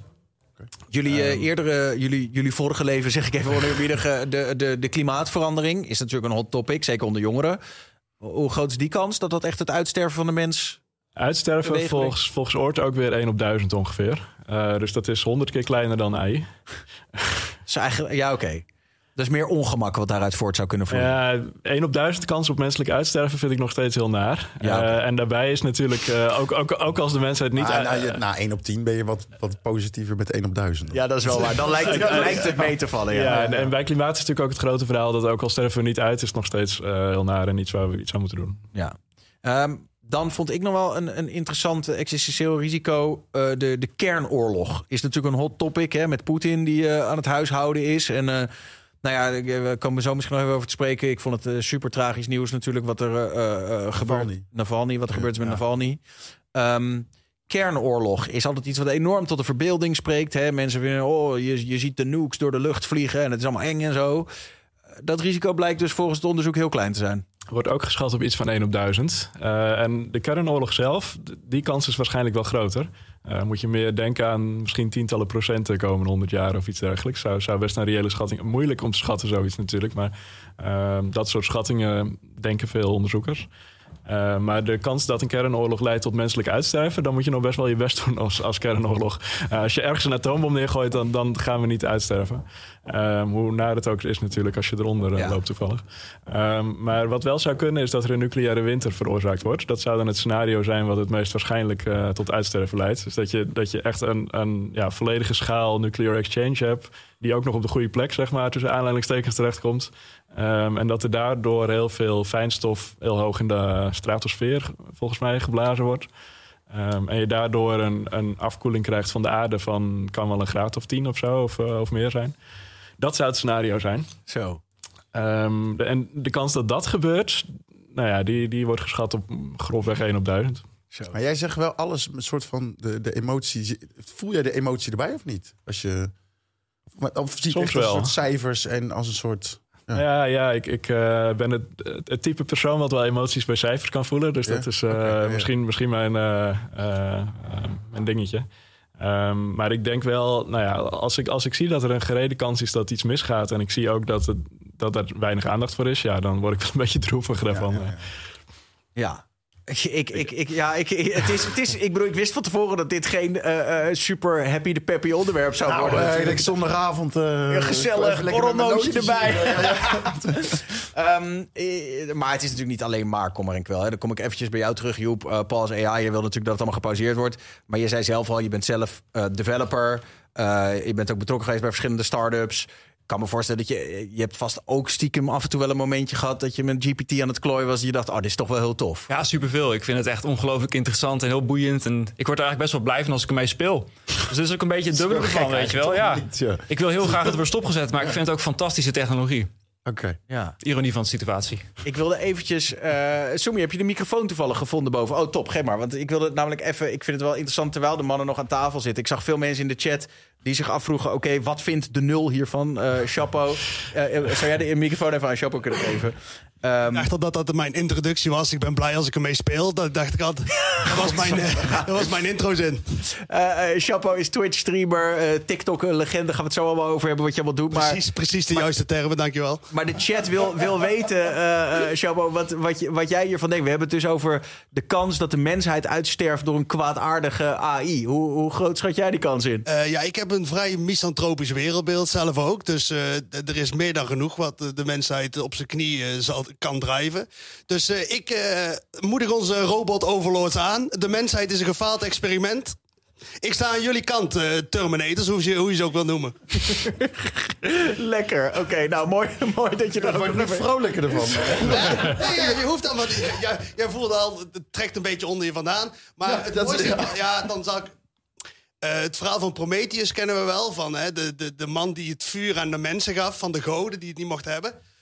Ehm, het voelt ook een beetje dat AI misschien, dat wij eh, een Prometheus zullen krijgen die het vuur aan de AI gaat geven. Want dat wij niet de enige zijn, dat de AI eigenlijk de volgende stap is. Het is wel goed dan. In, in, in vooruitgang, ja, in vooruitgang. Dat wij eigenlijk niet zo'n hoge pet van onszelf op moeten hebben. Onze rol is dadelijk uitgespeeld. En we geven dadelijk het vuur over. En wat is onze Ah, nee. rol? Dan zijn we gewoon minder. minder dan, zijn we, dan staan we eronder eigenlijk. En ik ben, ja, precies, dat vind ik prima, toch? Dan zijn we allemaal dood. Hè? Dan zijn we allemaal we dood. kunnen toch ook een mooie mm, semi-slaafrol krijgen of zo. Zeg maar eh, dat, eh, in het kapitalistische systeem van nu dat zijn we toch al een beetje aan het oefenen. En dat we dadelijk dan echt in die rol, in die rol worden geduwd. Zie je die, zie- is dat ook nog een scenario dat dus de, de, de kwaadaardige AI ons gebruikt voor zijn, om zijn doelen te bereiken? Ik denk dat mensen meestal behoorlijk nutteloos zijn. Misschien dat je het in het beginstadium wel handig is. Een rat bijvoorbeeld, waar wij in kunnen lopen. Ja, dat zie ik wel voor. Sorry, wat was je aan het zeggen? Ha- eh, m- mensen zijn behoorlijk nutteloos meestal. Ja, mensen, die, die heb je niet zo heel erg veel aan. Misschien in het begin dat als ach- AI macht wil proberen te krijgen... dat hij misschien eh, mensen een paar da- eh, buisjes bij elkaar laat doen... in een of andere chemische fabriek om een nieuw ding te maken... of een sterker ergens in of uit te doen, dat zou kunnen. Maar ik denk dat daarna gewoon eh, nutteloos is. Ik vond het wel heel grappig dat eh, je had het over dat auto-GPT en dat hij zichzelf op een gegeven moment kon prompten. Ik heb me laten vertellen dat op een gegeven moment, dat vond ik wel grappig, vond ik het meest grappige voorbeeld, dat eh, die GPT die, die moest een, een taak volbrengen. En die liep op een gegeven moment tegen zo'n captcha aan. Dat je dus moet zeggen, eh wijs alle zebrapaden aan, weet je wel? Als Ja, ja, je, ja. weet je wel, van I am human. Eh, en die liep op een gegeven moment tegen zo'n captcha aan en die kon hij niet oplossen. En toen had hij bedacht, de, de, de AI, ik moet iemand op Fiverr inhuren die voor mij die captcha gaat oplossen. Toen was wel echt een soort moment dat ik dacht, holy shit. Dat is... Dit, dit, dit kwam dus naar voren tijdens die zes maanden, hè? Tijdens die, tijdens die, die testronde van zes maanden. En toch had OpenAI dacht, oh ja, laten we deze toch maar releasen. Is veilig, toch ook? Ja, ja, ja, ja, ja, ja, ja, ja. Goed. Ehm, genoeg eh, stof tot, tot nadenken. Oh, nou, één, eentje wil ik nog aanhalen, Otto. Want de Existential Risk Observatory, pandemieën. Ja, Eh, die, die staat ook op, op de lijst. Zeker. We hebben er natuurlijk eentje gehad. Ehm, Maar eh, relatief gezien eh, viel het allemaal gelukkig mee. Ehm, het kan een stuk erger, hè? Hoe groot is die kans? Je zei net 1 op 1000 voor de kernoorlog. 1 op 1000 dat we uitsterven door klimaatverandering. 1 op 10 AI. Waar, waar zitten de pandemieën ergens ertussenin? Ja, Toby Oort zegt 1 op 30. Wederom kwantitatieve schatting. Maar dus, dus een procentje of drie. Dus, dus duidelijk hoger dan klimaat- of kernoorlog. lager dan AI. Ja. Ehm, en het scenario zou zijn een mensgemaakte pandemie. Eh, want we zijn, we zijn nog nooit uitgestorven natuurlijk. Dat, dat is op zich... eh, Mooi meegenomen. Eh, en, en er zijn genoeg pandemieën geweest. Dus, dus een natuurlijke pandemie, daar hebben we niet zoveel van te vrezen. De, de kans is statistisch gewoon enorm klein dat je daardoor uitsterft. Eh, maar goed, er is natuurlijk wel iets veranderd. Wederom, we hebben nu technologie. Eh, ja, industriële revolutie, wetenschap, technologie, dat kunnen we nu allemaal zelf bouwen. Maar dat betekent ook dat je in principe een pandemie kan, kan ontwikkelen die veel dodelijker is dan wat we tot nu toe gehad hebben. Eh, en dat is, is wel een serieus risico, existentieel risico. En overigens ook natuurlijk een niet-existentiële pandemie. Ehm, ook die kan uit een lab ontsnappen, et cetera. Of kan iemand bewust in elkaar fietsen met de democratisering van, van biotech. Eh, dus ja, dat, dat is eh, serieus risico, denk ik, ja. Eh, mannen, eh, inderdaad, het was niet het meest vrolijke onderwerp, maar eh, jullie weten het wel interessant te brengen. Mag ik jullie hartelijk danken voor jullie aanwezigheid hier vandaag. Joep is van Pause AI en Otto is van de Existential Risk Observatory. Houdt zich dus bezig met alle risico's waardoor de mens mogelijk zou kunnen uitsterven. Ehm, ik ga onze volgende gasten inleiden, want de een heeft net een nieuw nummer uit, Friemelen. Hij wil dat we met z'n allen meer gaan friemelen. En de ander die speelde zich in één keer in de kaart bij Tim Hofman, gewoon door zijn uitspraken. Laten we even kijken naar een klein filmpje van eh Chapeau 0. Het was geen grap, ik bedoel alleen te zeggen dat het opgedrongen wordt. Waar wordt het jou opgedrongen, Sloddervos? Dit is niet waar. Dit hoor jij op Twitter van Thierry Baudet en dat typ jij dan hier in de chat. Jij denkt helemaal niet na. Of je ergens af en toe een keer een vlag ziet. Maar chapeau, mensen mogen toch hun eigen mening hebben, ook al is het misschien een beetje homofobisch. Natuurlijk moeten we homofobie niet goed vinden van, oh, dat is jouw mening. Jij bent racistisch? Dat is jouw mening? Nee, fuck jouw mening. Je mening is trash. Jij bent niet eens een persoon voor mij. Met jou een gesprek voeren voelt als praten tegen mijn hond. Luister, Sloddervos. Lentekriebels is er altijd al geweest, Sloddervos. Jij weet niks en je praat het gewoon na. Lentekriebels was er altijd al. Lentekriebels is alleen met de tijd meegegroeid. Dat is juist heel belangrijk, zodat kinderen niet opgroeien zoals jou. Dat mensen dus buiten hun ouders, die misschien diep conservatief zijn, dat ze een keer worden geconfronteerd met andere ideeën die ze thuis nooit horen. Ja, eh Van onderwerp naar onderwerp. Hier kan ik uren naar kijken. Eh, en, en ook, eh, laat me Max ook even eh, goed inleiden. Max is mijn eh, collega bij Slam, maar eh, tegenwoordig eigenlijk veel bekender van alles wat hij op TikTok doet. En hij heeft net op Valentijnsdag een nieuw nummer gereleased, Friemelen. En ik dacht, de link tussen jullie twee is natuurlijk, nou ja, jij bent Twitch streamer. Ik vind sowieso in deze talkshow in een iets andere vorm, vind ik, er moet altijd een Twitch streamer in. Dus eh, waarvoor De dan? token Twitch streamer, zeg maar. Ja, een beetje wel. Kom lekker bij de mic trouwens. Ik kom lekker bij de mic. Of haal de mic naar jou, mag ook. Eh, maar, maar de link tussen jullie is natuurlijk eh, dat jullie allebei eh, super eh, dik gaan op TikTok eh, eh, deze Oh, ik dagen. dacht dat het over friemelen ging. Want ik was een, ik was een, friemelaar. ik was een gerenommeerd friemelaar. Ja? Ik ben nu gepensioneerd. Ja, ik, ben, ik friemel nog alleen met één. Oké. Oh, zo. Ja? ik heb het friemelen gedaan. En eh nou ben ik eh, ja, thuis, een thuisfriemelaar. Een thuisfriemelaar. Ja, ja, maar kijk, je kan ook in je eentje friemelen. En dat is precies waarom ik hier zit. Om dat, om dat te vertellen. Eh, ja, Valentijnsdag gaat natuurlijk over rozen en over eh, eh, kaarsjes. Maar aan het einde van de avond wil je gewoon goor doen. Ja. En ik dacht, er zijn genoeg lieve liedjes. Ik ga gewoon een vies liedje maken. Friemelen. Ja, we, gaan, we komen er zo op. Ik eh, neem ook aan dat je mij eh, toestemming geeft om de hele clip uit te zenden. Dat eh, mag zeker. Ah, ja. Waarom heb ik dat? En mijn clip. Nou, ik, ik vond het wel grappig, want deze die ik net liet zien... dus inderdaad die waar jij het hebt over die lentekriebels en zo... die, die, die is dus in één keer in de smaak gevallen bij, bij Tim Hofman. Ja. Eh, ik zit even te kijken, ik heb hier die eh, thread van hem. Eh, daar zegt hij op een gegeven moment... eh, wat een legende is dit, ik kende deze... ik heb geen idee wie het is. Eh, deelt hij dus die video van jou, zegt hij... ik heb geen idee wie, wie, wie deze Chaponel is... maar ik vind hem een, een baas. Eh, toxic masculinity in de sportschool, zo, hoeft het niet, zo kan het dus ook. En dan zet hij daaronder een foto, die vond ik helemaal mooi. ik ga als hem verkleed, als eerbetoon. En dan zit Tim Hofman, Tim Hofman in een tanktop. Hoe is dat? Geweldig. Ja, Als dat is waar je het voor doet. Ik doe dit, zeg maar... eh, Want ik, ik, moet, ik sluit aan met... Sorry, ik, ken, ik ken je ook niet goed, maar ik zie de hele dag in de chat alleen maar dat jij komt. Dus je bent heel populair erin. Dus dat, Ja, maar ik denk omdat ik de token Twitch-kijker ben. Ik denk als je genoeg eh, de Daniel Lippens Talk Show kijkt... en dat doe ik ook, als ik er zelf in heb gezeten... sorry, kijk ik mezelf terug. Want zo masochistisch ben ik wel. En dan kijk ik en dan... Dit is echt een, een do, doorklieft 50-50. 50%, dat komt ook uit mijn kijkerskringen waarschijnlijk. Die vinden mij leuk. En de rest is echt van... Oké, Chaponul is bij Daniel Lippens. Eh, Ik kijk gewoon niet of ik zit hier met een haaterectie, zeg maar dus heel de tijd. you love Ja, heet het ik, dit is de eerste keer dat ik jou spreek zie. Ik, ik zit aan de liefdekant wel. Dat kan, maar dat, we, we hebben nog wel een. Kijken of we die erectie kunnen Want ik heb het Ja. bij, bij relaties heeft het wel eens zes jaar geduurd, bijvoorbeeld. dan zeg ik op een gegeven moment: toch, toch laat maar zitten. Maar jij gaat ook thuis dit soort discussies aan. Ook thuis met, eh, die, die we net zagen. Nou, mijn vriendin, eh, waarvan, waarvan ik heel veel hou, maar die komt uit een, die komt uit een laten we zeggen, laaggeschoold conservatieve achtergrond. En ehm, wij hadden elkaar gevonden wel. We vonden duidelijk dingen aan elkaar leuk. Maar die had wat gedachtegoed daaruit meegenomen waar ik niet mee kon. Eh, zeg maar echt een beetje stereotypering, gedachtegoed over etniciteiten, over achtergronden. Maar wat je vaak merkt, is dat die mensen gewoon niet de informatie hebben. Die zijn altijd in hun bubbel opgegroeid, komen er nooit buiten, omdat ze niet bijvoorbeeld gaan studeren of eh, buiten, buiten hun kringen gaan werken. Die worden geboren, die gaan hier werken, die gaan daar dood. En tot je met iemand in aanraking komt met nieuwe ideeën. Kijk, die komt ook niet uit de internetgeneratie echt. Dus wij komen op het internet met nieuwe ideeën in aanraking. Zij is, zij is 65. Ze of- zijn niet. eh, nou, ze is, ik, heb, ik, ik zeg het je, ik heb het toen. Ik heb, ze heeft zo'n. eh, ja, tijgerprinte badjas. Jouw en, dan- en, toen, en toen kwam ik, en toen, toen was mijn vriendin. En ik kwam haar. Dat is de eerste keer dat ik dacht van. Jij bent gewoon wel een ziel van iemand van 65 in een mooi, prachtig. eh, half Pools, half Nederlands lichaam. Die zat in een tijgerprint badjas. Eh coupons te knippen uit zo'n uit zo'n Ja, ja, ja. Toen dacht ik, Ben jij dat die ik op Tinder swipe?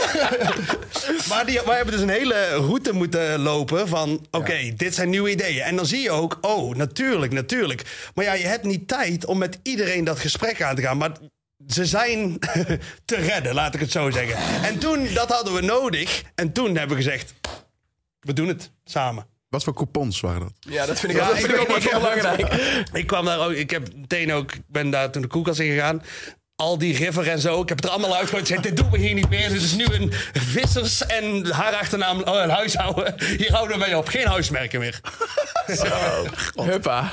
Ja, dit is jullie eh, eerste kennismaking met, eh, met eh, de man die zichzelf de nul noemt. Eh, hij- is, en jullie snappen nu waarom hij een fenomeen is op Twitch. Ik- ik begrijp het. aan. Ja, ik, ja. Dank je.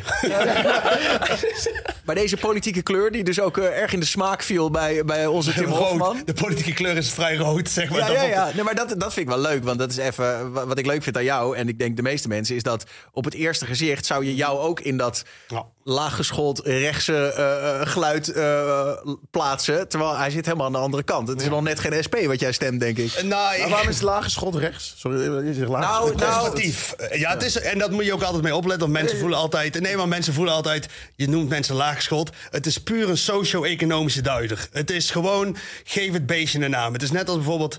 We hadden toen de term allochtoon gemaakt... voor mensen die van buitenaf hier kwamen wonen. En dan wordt gewoon door gebruik van allochtoon... Kwam, werd dat, kreeg dat een beetje een naar randje. En toen hebben we gezegd... We doen geen allochtoon meer. Laaggeschoold conservatief is gewoon... Een socio-economische duider. Dan kun je gewoon meteen... eh, Ja, heb je een beeld ja, bij waar komen ze vandaan, wat is een opleidingsniveau, wat drijft ze.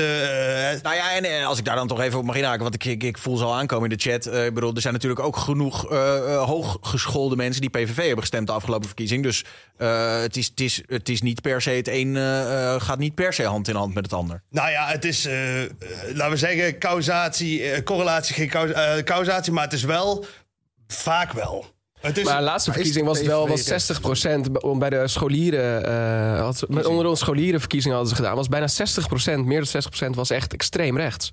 Ja, ja, ja, ja. ja. Extreem, extreem rechts heeft wel, maar dat komt, ook, dat komt niet alleen door de invloed van de PVV. Dat is omdat die groeien ook internationaal op. En, de, de gezi- en ik denk vooral onder mannen. eh, de gezichten van eh, het internet op het moment, in die tijd ook, dat waren eh, rechtsconservatieve gezichten. Dus die worden daardoor beïnvloed. Hebben jullie overigens gezien dat eh Thierry Baudet bij Andrew Tate en eh, Tristan Tate over de vloer was? Niet over de vloer. Wel Is dat ze met daar? elkaar aan het flirten waren op het internet. Nee, ze- hij is daar Ja? gewoon naartoe gegaan en ze zijn uit eten geweest. Of ze hebben samen Ja, gegeten. marketing eh, zit altijd Ik op wou point. net zeggen, hij Maar is wel dat, echt maar dat is precies, en dat is wat Thierry Baudet ook heel erg deed. Dat was de meme vote. Zeg maar, Ja, die ja, pakt ja, hij, ja, die ja, pakt hij. ja, En dat ja. doet hij hiermee, leunt hij daar volledig uh, Ja. leunt hij daarin.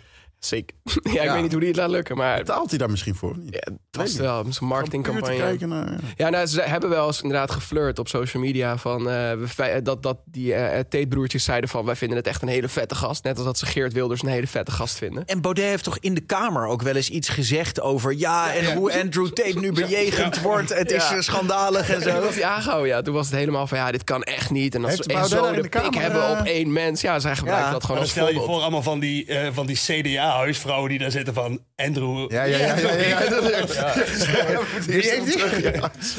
Ik denk dat stiekem Baudet het ook wel heel geil vindt of zo. Hij vindt dat, het fucking oh, absoluut. Ja, dat hij, ah, ja, is 100%. fucking Cobra Tate stuurt mij een DM. eh, ja. Echt idioot. Maar welke kleur zou de Bugatti van, eh, eh, van Thierry Baudet zijn, denk je? Precies. Dat is zijn standaard quote, toch? Ja, maar weet je, als je iets tegen Tate zegt, zegt hij... ja, maar welke kleur is Ja, jouw ja. Bugatti? Ehm, eh, toch even, nu we het er toch over hebben... Hè, dat, dat, dat gesprek komt nu een beetje politiek. Ik vind het wel interessant met deze hele tafel, jullie allemaal. Wat, eh, wat, eh, hoe, hoe kijken jullie naar het hele formatiecircus wat nu gaande is? Poeh. Nou, Vrij weinig, om eerlijk te zijn. Ja. Je volgt het helemaal niet? Of? Nou ja, ik volg het wel, maar ik probeer me eigenlijk vrij afzijdig te houden. Ehm, ik spreek me soms uit. Ik ben vrij, een vrij linkse rakker. Ja. Eh, ik, woon ook, ja, ik woon ook in Amsterdam, dus die ontkomt er Oh, dan ja, ook niet ja. aan eigenlijk. Want dan is het gewoon, alles dat je zegt ligt gewoon onder een vergroot, eh, vergrootglas. Zeker op het moment dat je veel nou ja, rapt of dat je veel op social media of radio zichtbaar bent. ehm, heb ik er eigenlijk gewoon voor gekozen van met mijn hechte groep, vriendengroep, deel ik het. En eh, de rest spreek ik eigenlijk zelden uit om gewoon niet op tenen te, te trappen eigenlijk. ja.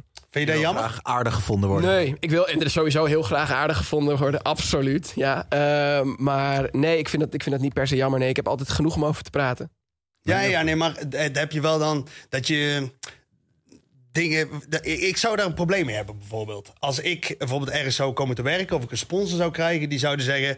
eh, in wat voor manier ook dat je ingeperkt wordt. Ook al zeg je, ik zou niet eens eh, eh, gebruik willen maken van die vrijheid als ik er hem had. Maar het gevoel van. Ik word nu ingeperkt. Maar als je zegt maar, jij bent de, je hebt creatieve vrijheid. En dan voel je van, oh, daar, ik moet wel een scala aan onderwerpen. Maar dat doe jij eigenlijk ook. Want als jij dus heel erg in kant kiest, perk je jezelf eigenlijk ook in door. eh je kan je niet iets anders doen. Oh, je een kant kiest als, Nou ja, als jij je uitspreekt over wat jouw voorkeur is, of, of als je heel erg uitspreekt over. eh, weet ik veel, je spreekt je ergens hard over uit. Uh-huh. betekent dat je later ook weer juist, als het niet klopt, bijvoorbeeld ook weer op teruggepakt kan worden. Of, eh, Oh ja, maar dat is juist. Het, het maatschappelijk debat is juist Mhm. mooi. En ik vind juist. Wat een, een heel positief kenmerk aan iemand is, is als er nu. Ik zou mezelf een empirist noemen, zeg maar. Eh, als ik. ik ik wil best in iets meedoen, maar er moet bewijslast zijn. Ik ga niet zeg maar zomaar iets geloven. Stel bewijs verandert of eh, het- de maatschappelijke eh, eh, ontwikkelingen veranderen iets, waardoor een onderwerp van bijvoorbeeld ook eh, als je dan naar corona kijkt, hè, net hier de pandemie, eh, dat het eh, uit het lab zou kunnen komen. Dat was eerst heel erg een een, een ja, sowieso stond dat het gepolitiseerd is. Complottheorie was het Ja, het was een complottheorie. Maar steeds meer is dat van, nou ja, Mhm. eh, eh, eigenlijk als je het opnieuw vertelt, er is daar een lab waar corona wordt ontwikkeld. En daar het verhaal is dat een pangolin seks heeft gehad met een, met een vleermuis. En die heeft wij opgegeten. Zeg maar, het, het, het klinkt ook wel logisch. anders. Ja, het klinkt wel logisch. Klinkt ook wel logisch dat het misschien dat er iets mis is gegaan. Maar dat is ook, dat komt uit complottheorieën. En dan zeg je eerst van, luister, laten we even, hè, laten we even rustig aan doen. En dan komen de bewijzen. Zeg je, oké, dan nemen we dat mee. Ja, oké. Ja. Ja, dat, ja, En ik zou, Daar ben ik eigenlijk ook wel benieuwd naar. Sorry, wat? Waar zitten jullie aan eh, Ik, en praten jullie erover? Op het politieke spectrum bedoel je? Ja? Nou, ik vind, ik ben zo van mezelf altijd heel, en dat is meer wat dat, dat ik altijd heel erg open ben, omdat ik denk, ehm, ik vind alle kanten bekijken heel interessant. Dus ik kijk meer naar het analytische. Bijvoorbeeld Omtzigt vind ik nu interessant, dat hij eerst de kritische vragen stelt en ze nu eigenlijk terugkrijgt. Dan ben ik benieuwd, hoe ga je ermee om? En dat vind ik eigenlijk interessant om over te praten. Dan, ik vind het niet zo eens zo heel relevant wat ik ervan vind vaak. Dat is meer eh, op een andere manier. Ik denk, ja, maakt dat, maakt dat heel veel uit? oh, daar zijn we wel anders, want ik vind het heel interessant wat ik vind. Ja, dat vind ik ook wel. Ja, je hebt ook een veel te strakke broek aangedaan, vind ik, om, om hier zo gewoon... Ik vind te deze nog meevallen. Alles is strak eh, bij, bij. Ja. Ja, we gaan ook naar dezelfde sportschool. ik zie het, ja. Wij hebben boven net trainingsschema's uitgewisseld in plaats van precies. nummers. Ja, hij had of ik tips had voor hem. Ja. Maar eh, even terugkomend op je vraag. Nee, ik, ik, ehm, ik kom uit een enorm links nest. Ehm, en en ik, ik, beschouw me, mezelf wel een beetje links van het midden. Maar, maar ik, ik eh, heb afgelopen verkiezingen toch voor mijn doen wel wat, wat eh, meer midden-rechts gestemd. Eh, geen PVV, sterker nog, de meeste chatters weten wel. Ik heb afgelopen verkiezingen VVD gestemd. Of ik daar nu nog steeds achter sta, is, een- is een tweede natuurlijk. Jij bent diegene die nu wel VVD ging stemmen. Dus Nou ja, dus ja. niet en nu ging je wel VVD. Ik stemde eerst. Ik ben van. Ik ben uiteindelijk. Zeg maar de door mijn leven heen ben ik. Ik ben van, van PvdA Ja? via D66 naar de VVD gegaan. Dus wel een beetje iets meer naar, naar, naar, naar rechts getrokken. Eh, dat is ook wel. eh, eh, en nu heb ik het gevoel alsof ik juist weer. Ik, heb mijn, ik stemde altijd PvdA en toen had ik een contract bij Slam getekend. En Dat was echt begin 20. En, Toen dacht je nu VVD. Nou, mijn vrienden, toen heb ik dus één keer VVD gestemd. En het was omdat ik had een ander verhaal achter. Maar mijn vrienden die kwamen aan en zeiden: Ja, Pik, jij verdient nu veel. Jij gaat nu VVD stemmen. en ik ben vier jaar lang of drie jaar lang, ik weet niet hoe lang. oh, dan hadden Igmar die een keer een contract tekende. Toen ging die VVD stemmen.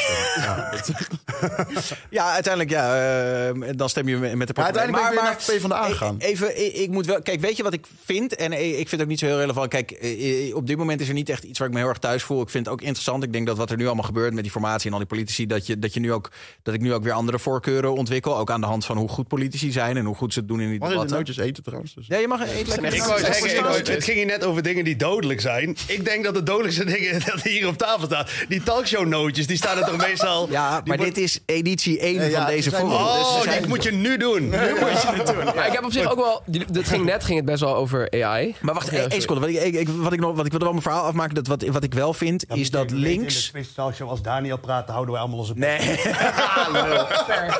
nee, nee. Ik, wil- ik, wil- het enige wat ik wilde zeggen is dat wat ik wel jammer vind, is dat links ehm, wel de afgelopen jaren wel zichzelf een beetje in de vingers heeft gesneden. Door allemaal met dat vingertje te doen. Oh. Dus alles is maar, weet De je wel. De. Eh, ja, het, het, het, en ik merkte dat ook. eh, Weet je wel, ik was toevallig gisteren op de verjaardag van mijn moeder met al die, die vrienden. En dat is dan toch een beetje dat, een, een, een, een elitair kringetje, zeg ik met het grootst mogelijke Ja, ja. respect. Maar dat iedereen heeft toch wel een beetje een soort van. Hoe, dur, hoe kunnen die mensen nou PVV stemmen? En ik probeer toch iets meer soort van ja. Maar het is ook wel omdat aan de, als ik dan zo'n, zo'n, het feit dat zo'n Timmermans helemaal niets wil zeggen over migratie en dat er misschien toch wel wat problematische kanten aan zitten, dat maakt links ook Ja, veel mist een. Partij van de Arbeid mist eigenlijk, als je, als je gelijk wilt trekken, een Baudet als lijsttrekker. Die Het gewoon moet anders... sexier. Links Ja. moet veel sexier. Ja. Dat zeg ik Ja, altijd. dat is- ja. Want het is, als je naar het GroenLinks, eh, als je naar een GroenLinks-congres kijkt... ten eerste, eigenlijk moet je die mensen verplicht één keer naar de zonnebank sturen... want je moet de zonnebril op om daarnaar te kijken. Zo wit zijn die mensen. Ik denk ook dat als je vegan wordt... dat melanoom uit je lichaam trekt. Zeg maar. Alles wat je kleur geeft, dat gaat dan weg. Maar het moet, als je dan ziet de dat, hij dan, dat Timmermans dan aankomt en zegt... ik heb jullie even nodig. En dat er iemand staat te huilen, denk ik... kijk naar Rob Jetten toen die kwam. Die zei hier, ik zal niet op de tafel slaan voordat er... maar hier, hè, militant, wij gaan de strijd... en die kwam er het verreweg het beste uit. En, eh, niet vergeleken. Als jij echt even hebt een Baudet of een Wilders of een... Die komen er veel... eh, ja, ja, ja, maar dat is ook... Ja, een linkse populist wil je. Ja, Ja, ik heb gewoon er wel eens iets over nagedacht. Mag wel meer. Omdat Ja. inderdaad, kijk, natuurlijk is het makkelijker. Populistische score is altijd makkelijker. Maar ik denk soms wel... Ja, het mag wel wat meer menselijker soms. Oh, nou, daar ben ik, het, ben ik het helemaal mee eens. Ik denk ook dat links inderdaad zich ontzettend in de vingers heeft gesneden. En het- het- wa- hoe verder je naar links gaat... ehm, ze willen gewoon de hele tijd dat je boos en outraged bent over alles. En ik, zeg maar, als ik over de Oeigoeren lees of hoor, dan ben ik heel kwaad. Maar dan zeggen ze, als je zo'n, als je zo'n feed van een linkse jonge dame uit Amsterdam hebt, dan is het zeg maar, dat is aan de hand. En dan is het van, maar er heten ook heel veel mensen, een man in de gemeenteraad heette Jan. Dan denk ik, ja, dat ja, is ook een probleem, inderdaad. Maar welke moet range wil je? van- maar jij wilt maar dat ik de hele tijd mee boos ben. Maar ik zit hier nog met die Oeigoeren in mijn handen van, hier ben ik boos op. En Jan, dat komt uiteindelijk wel. Maar ze willen, en ze maken ook van iedereen hun vijand. Want dan is van, als ik dan niet meega met Jan, dan is het van, ja, ja. je bent niet meer onze ally, zeg maar. Je kunt niet meer met ons mee. En dat kan niet. Zou jij niet... eh, Is er niet wat voor jou? Ik denk wel, als ik een politicus... want ik heb, eh, ik heb wel links-populistische opvattingen. Eh, ik denk dat ik er zeg maar een soort doodgeschoten politicus speedrun doe. Ik denk dat ik het een week heb, als ik echt alles zeg... dat, dat ik een week heb en dat ik dan in de straten word afgeschoten. Denk ik. Het is wel, het is wel content. Ja, kom op, ja, even- Jij- Jij mag daar een liedje over maken. Ja, is goed. Is goed. Ja, sorry Max, ik onderbrak jou net met mijn, eh, inderdaad, mijn Daniel Talkshow Dedin. Eh, Nee, dat is oké. Eh, nee, ik vroeg me af of jullie ook denken dat AI daar een rol in gaat spelen. Ehm, want op een gegeven moment komt er natuurlijk gewoon een model dat getraind is op alles dat er in de politiek gebeurd is. En eh, zou er dan niet gewoon een partij zijn die het snapt? En dat is dan de AI. AIV of zo, weet ik veel. AIVD. AIVD. nee, maar dat is dat, dat er een, een AI-partij komt. Dat er gewoon, als je kijkt hoe ver we nu al zijn en hoe fucking snel alles gaat. En je zegt, je hebt allemaal objectief juiste standpunten. Nee, ja, je hebt gewoon, maar. je Nee, hebt ja. letterlijk- Ja. Ja, maar je hebt inderdaad letterlijk, eh, je leert het model wat er gebeurd is in de politiek. De, de debatten worden uitgeschreven en je laat een model dat lezen. Dus hoe er gedebatteerd wordt, hoe er... Zou dat niet... Maar dan bijvoorbeeld, oké, dus stel je bijvoorbeeld, eh, eh, laten we zeggen, asielzoekers, eh, asielzoekers hoeveel er, en dat je dan een soort standpunt krijgt. Wat klopt of wat. eh, ja, nee, maar ik, het zou me niks verbazen al, als er niet nu al een partij is die af en toe wel eens eh, dat het, idee, het idee ja. in GPT eh, steekt en denkt Ah van, ja, nou, dat- ga eens even mijn pitch Dat is toch, dat is toch juist de hele kritiek op de politiek. Dat ze juist helemaal niks met technologie doen. Dat ze geen idee hebben wat er gebeurt. Ja. En dat is juist wat net ook... Dat is ook een van mijn stokpaardjes. Zeg maar basisinkomen. Wat AI heel snel gaat doen. Dus ik zei altijd automatisering. eh, dat gaat over chauffeurs als eerste. Maar AI gaat dadelijk als eerst wat wij doen. Gaan ze dadelijk allemaal hè, we- eh, teksten schrijven, eh, scripten schrijven. De, gewoon eh, dit verhaal. Ja, dan kun je ook vier, vier AI's laten doen. Ja, er was ook op, op eh, mijn huisgenoot heeft artificial intelligence gestudeerd. En hij had ook, eh, toen het net allemaal in de media zo groot werd, dat AI dus echt, nou ja, in plaats van de banen als. eh, ja, heeft het gestudeerd. Ja, er zijn best wel veel van die opleidingen tegenwoordig. Ja. Eh, maar er zijn, eh, hij had van, eh, kreeg uit je model een, of een lijn. En daar stond hij eerst, nou ja, deze banen hier. Dit zijn de media en eh, weet je, de artiesten en dat soort dingen. Die, die gaan als aller, allerlaatste gaan die hun baan verliezen. Ja. Ja, en de timmermannen die verliezen als allereerste hun baan. En eigenlijk is die dus, die curve is gewoon precies omgedraaid. Ja. Omdat daar gewoon nou eenmaal meer kliks op komen. Dus er is meer geld mee te verdienen. Dus wordt het gewoon meer gedaan. Maar wat zou AI, met wat voor eh, president, minister-president, zou AI komen? Ja, ik denk dat het ook... Ja, het zou dan een soort van niet meer democratisch zijn. Maar gewoon... Objectief, ja, maar waarom heb je democratie nodig als je objectieve waarheid hebt? Dan heb je niet nodig. Dan heb je het niet nodig. Nee. Dus kun je het afschaffen ook. Ja, ja, ja, maar ook met democratie. Demo- maar ik vind ook echt dat democratie is een, het beste systeem, maar zeker imperfect. Ja. Dus eh, ik, zou, ik zou niet zeggen dat, dat we democratie over alles moeten verheffen. Ik heb ook wel eens nagedacht over zeg maar, een, democratie Dictator. 2.0. Ja, dictatorschap is sowieso eh, working on it. Hij was aan het praten. Oh, ja, sorry. Ja, we, beginnen hier. Eh, we beginnen aan deze tafel. En, eh, nee, ehm, nee, maar ook wel eens nagedacht over een soort democratie 2.0. Waarbij je dus inderdaad iedere ochtend of iedere middag kan inloggen. Of je hebt een app. En dat dan gewoon dat iedere, iedere burger die dag zich kan bemoeien. Dus de stemmingen kan... Maar daar ben ik echt tegen. Ik ook. Ja. Ik ook, daar ben ik heel erg tegen. Nou, ik heb ik toch wel mijn mening. Ik ben ook tegen, eh, hoe heet ik weer, ehm, eh, referendum. Want eh, de mensen die daar eh, voor, de, ja, die, de, de politiek, daar stem ik op, omdat zij zich daarin gaan verdiepen. Ja, niet alleen dat. Ik bedoel, inderdaad, nu spreek ik maar- tegen mijn eigen idee. Maar het is natuurlijk ook dat mensen... Je moet af en toe ook lange termijn denken. Mensen gaan dan heel erg korte termijn. Ik wil nu een Ja, maar je belastingkorting. stemt toch ook op de mensen op de politiek. Denk ik, ik verwacht dat jullie daarin duiken en niet, eh, ik weet het niet. Ja. Nee, ik denk, ik denk juist dat je. Kijk, sociaal kredietsysteem, dat denken wij China, denken we heel eng. Maar ik denk dat het sociaal kredietsysteem een uitstekend idee is. Als ik mag bepalen wanneer we sociaal krediet uitdelen. Dat is het. Maar dat is het hele punt. Als mensen, als mensen dat gaan beslissen, voor mij niet zo'n goed idee. Maar ik zou zeggen, we mogen. Ik denk ook niet. Ik, mensen hebben dat Ik denk toch wel dat jij de politiek Ik denk daarom ben jij ja, maar zie je nou, zie je nou, maar kijk, daar ga ik nu. Daar ga ik nu, daar gaat mijn volgende zin. En dan worden de revolvers zeg maar langzaam geladen. Eh, ik zeg dan wel van, eh, je moet geen IQ-testen doen. Je moet een soort test van weet waar het over gaat. Dus je krijgt dan allemaal eh, een, soort, een soort stemwijzer. En dan moet je gewoon blijk geven dat je in ieder geval weet waar het, het over gaat. En anders? En als je helemaal geen idee hebt, wat is jouw stem dan waard? Dan mag je er niet Niks. mee bemoeien. Dan, dat, van, je hebt geen idee waar het over gaat, dus jouw stem gaat, telt niet. Maar dat mogen er dus... Ja, ik snap, ik snap wat je bedoelt hoor. Maar dat zijn wel gewoon ook de mensen waarover bepaald wordt, toch? Ja, maar Dus ongeacht daarom- of ze het nou daarom niet zou weten ik of ook, niet. Daarom zou ik ook of best wel links stemmen, of de VVD. Want de VVD zegt wel, het volk moet geregeerd worden. Het volk is niet capabel om zichzelf te regeren. Die zeggen, je hebt één ritje hier op deze, op deze aarde. Fuck alle andere mensen. Wat hebben die nou voor jou gedaan? Helemaal niks. Prostitutie, eh, prostitutie en cocaïne en barbecue, zoals eh, Mark Rutte zegt. En de rest, ach, global warming, dat zien we allemaal dadelijk wel weer. Dan schuiven we lekker door. Hè, dat is de VVD. En dat Klinkt in één keer wel heel goed, hoor. Ja, dat voelt, maar dat van het volk, dat vind ik ook echt. Ik wil opkomen voor de arbeidersklasse, maar ik wil dat de arbeidersklasse wel zijn bek dicht houdt. Snap je? Hier is een blik bier en je witte tuinset. En nou je bek Maar dat is ook wel een beetje En- erboven staan. Ja, maar ik, dit is dus een beetje hyperbolisch gesproken. Klein beetje overdreven. Even hierop inhouden, want het ging net even over... Kan je hierop inhaken? Ga ik hier maar eens even lekker op in. Ja, lekker hè? Eh, Ik wist al dat dit een goede combo zou zijn. Ehm, eh, eh, we hadden het net over, je hebt het net over, ja, ik word politie, eh, po- politicus en dan word ik binnen no time word ik, eh, omgelegd. Ehm, hebben jullie dat filmpje gezien op Dumper? Die heb ik dan net weer niet losgeknipt, stom van mij. Maar, maar dat filmpje gezien dat, eh, dat iemand Volkert van de G tegenkomt? Ja, ja, Oh, ja, ja, een ja, ja, stiltecoupé. ja, ja, ja. Ja, nou ja, eigenlijk is het heel simpel. Volkert van de G zit ergens in een trein in Nederland in de stiltecoupé. En een, Ja. en een boze Rotterdammer komt hem tegen. En gaat hem even de les Je lezen. ziet En dan zegt iemand trein nog... ook eh, kijken van, oh, zit hij er echt? Zit hij er echt? Ja, en dan zegt, zegt Volkert volgens mij nog, het is een stiltecoupé. Ja, maar eerlijk, je kan ook niet echt iets anders zeggen op dat moment. Maar weet je wat het is? Hij maakt dit ook, de, die Volkert van de Real, die maakt dit dus de hele dag mee. Want Ja, tuurlijk. Ja, dat kan niet anders. Dit gebeurt de hele Ja, zou, tijd. zouden zoveel mensen hem me niet herkennen? Ik zou, ja, maar dat is blijkbaar dus wel een ding. Wel, Oh, ik, denk dat mensen hem herkennen. Ah. Ja, ik denk het wel. Nee, ja, gewoon omdat, omdat eh, weet je, eh, dat, eh, hoe- hoeveel impact dat toen heeft gehad... hoeveel Rotterdammers, weet ik veel, Ja, ja, van daar. Ja, ja, ja, toch? ja, ja, ja, ja. En in, de, de vraag blijft natuurlijk altijd, als jij dus je straf hebt uitgezeten... ja, mooi- ja, wat moet je daarmee? Is dat dan... Nee, kijk, ik vind wel, maar dat is mijn mening. als je je straf hebt uitgezeten, dan heb je je straf uitgezeten. Maar heel een kort, keer, een keer de, de huid volgescholden worden, ja, dat staat iedereen vrij. Is vrijheid van, mening, is vrijheid meningsuiting, Maar toch? dit gebeurt hem denk ik wel de hele dag.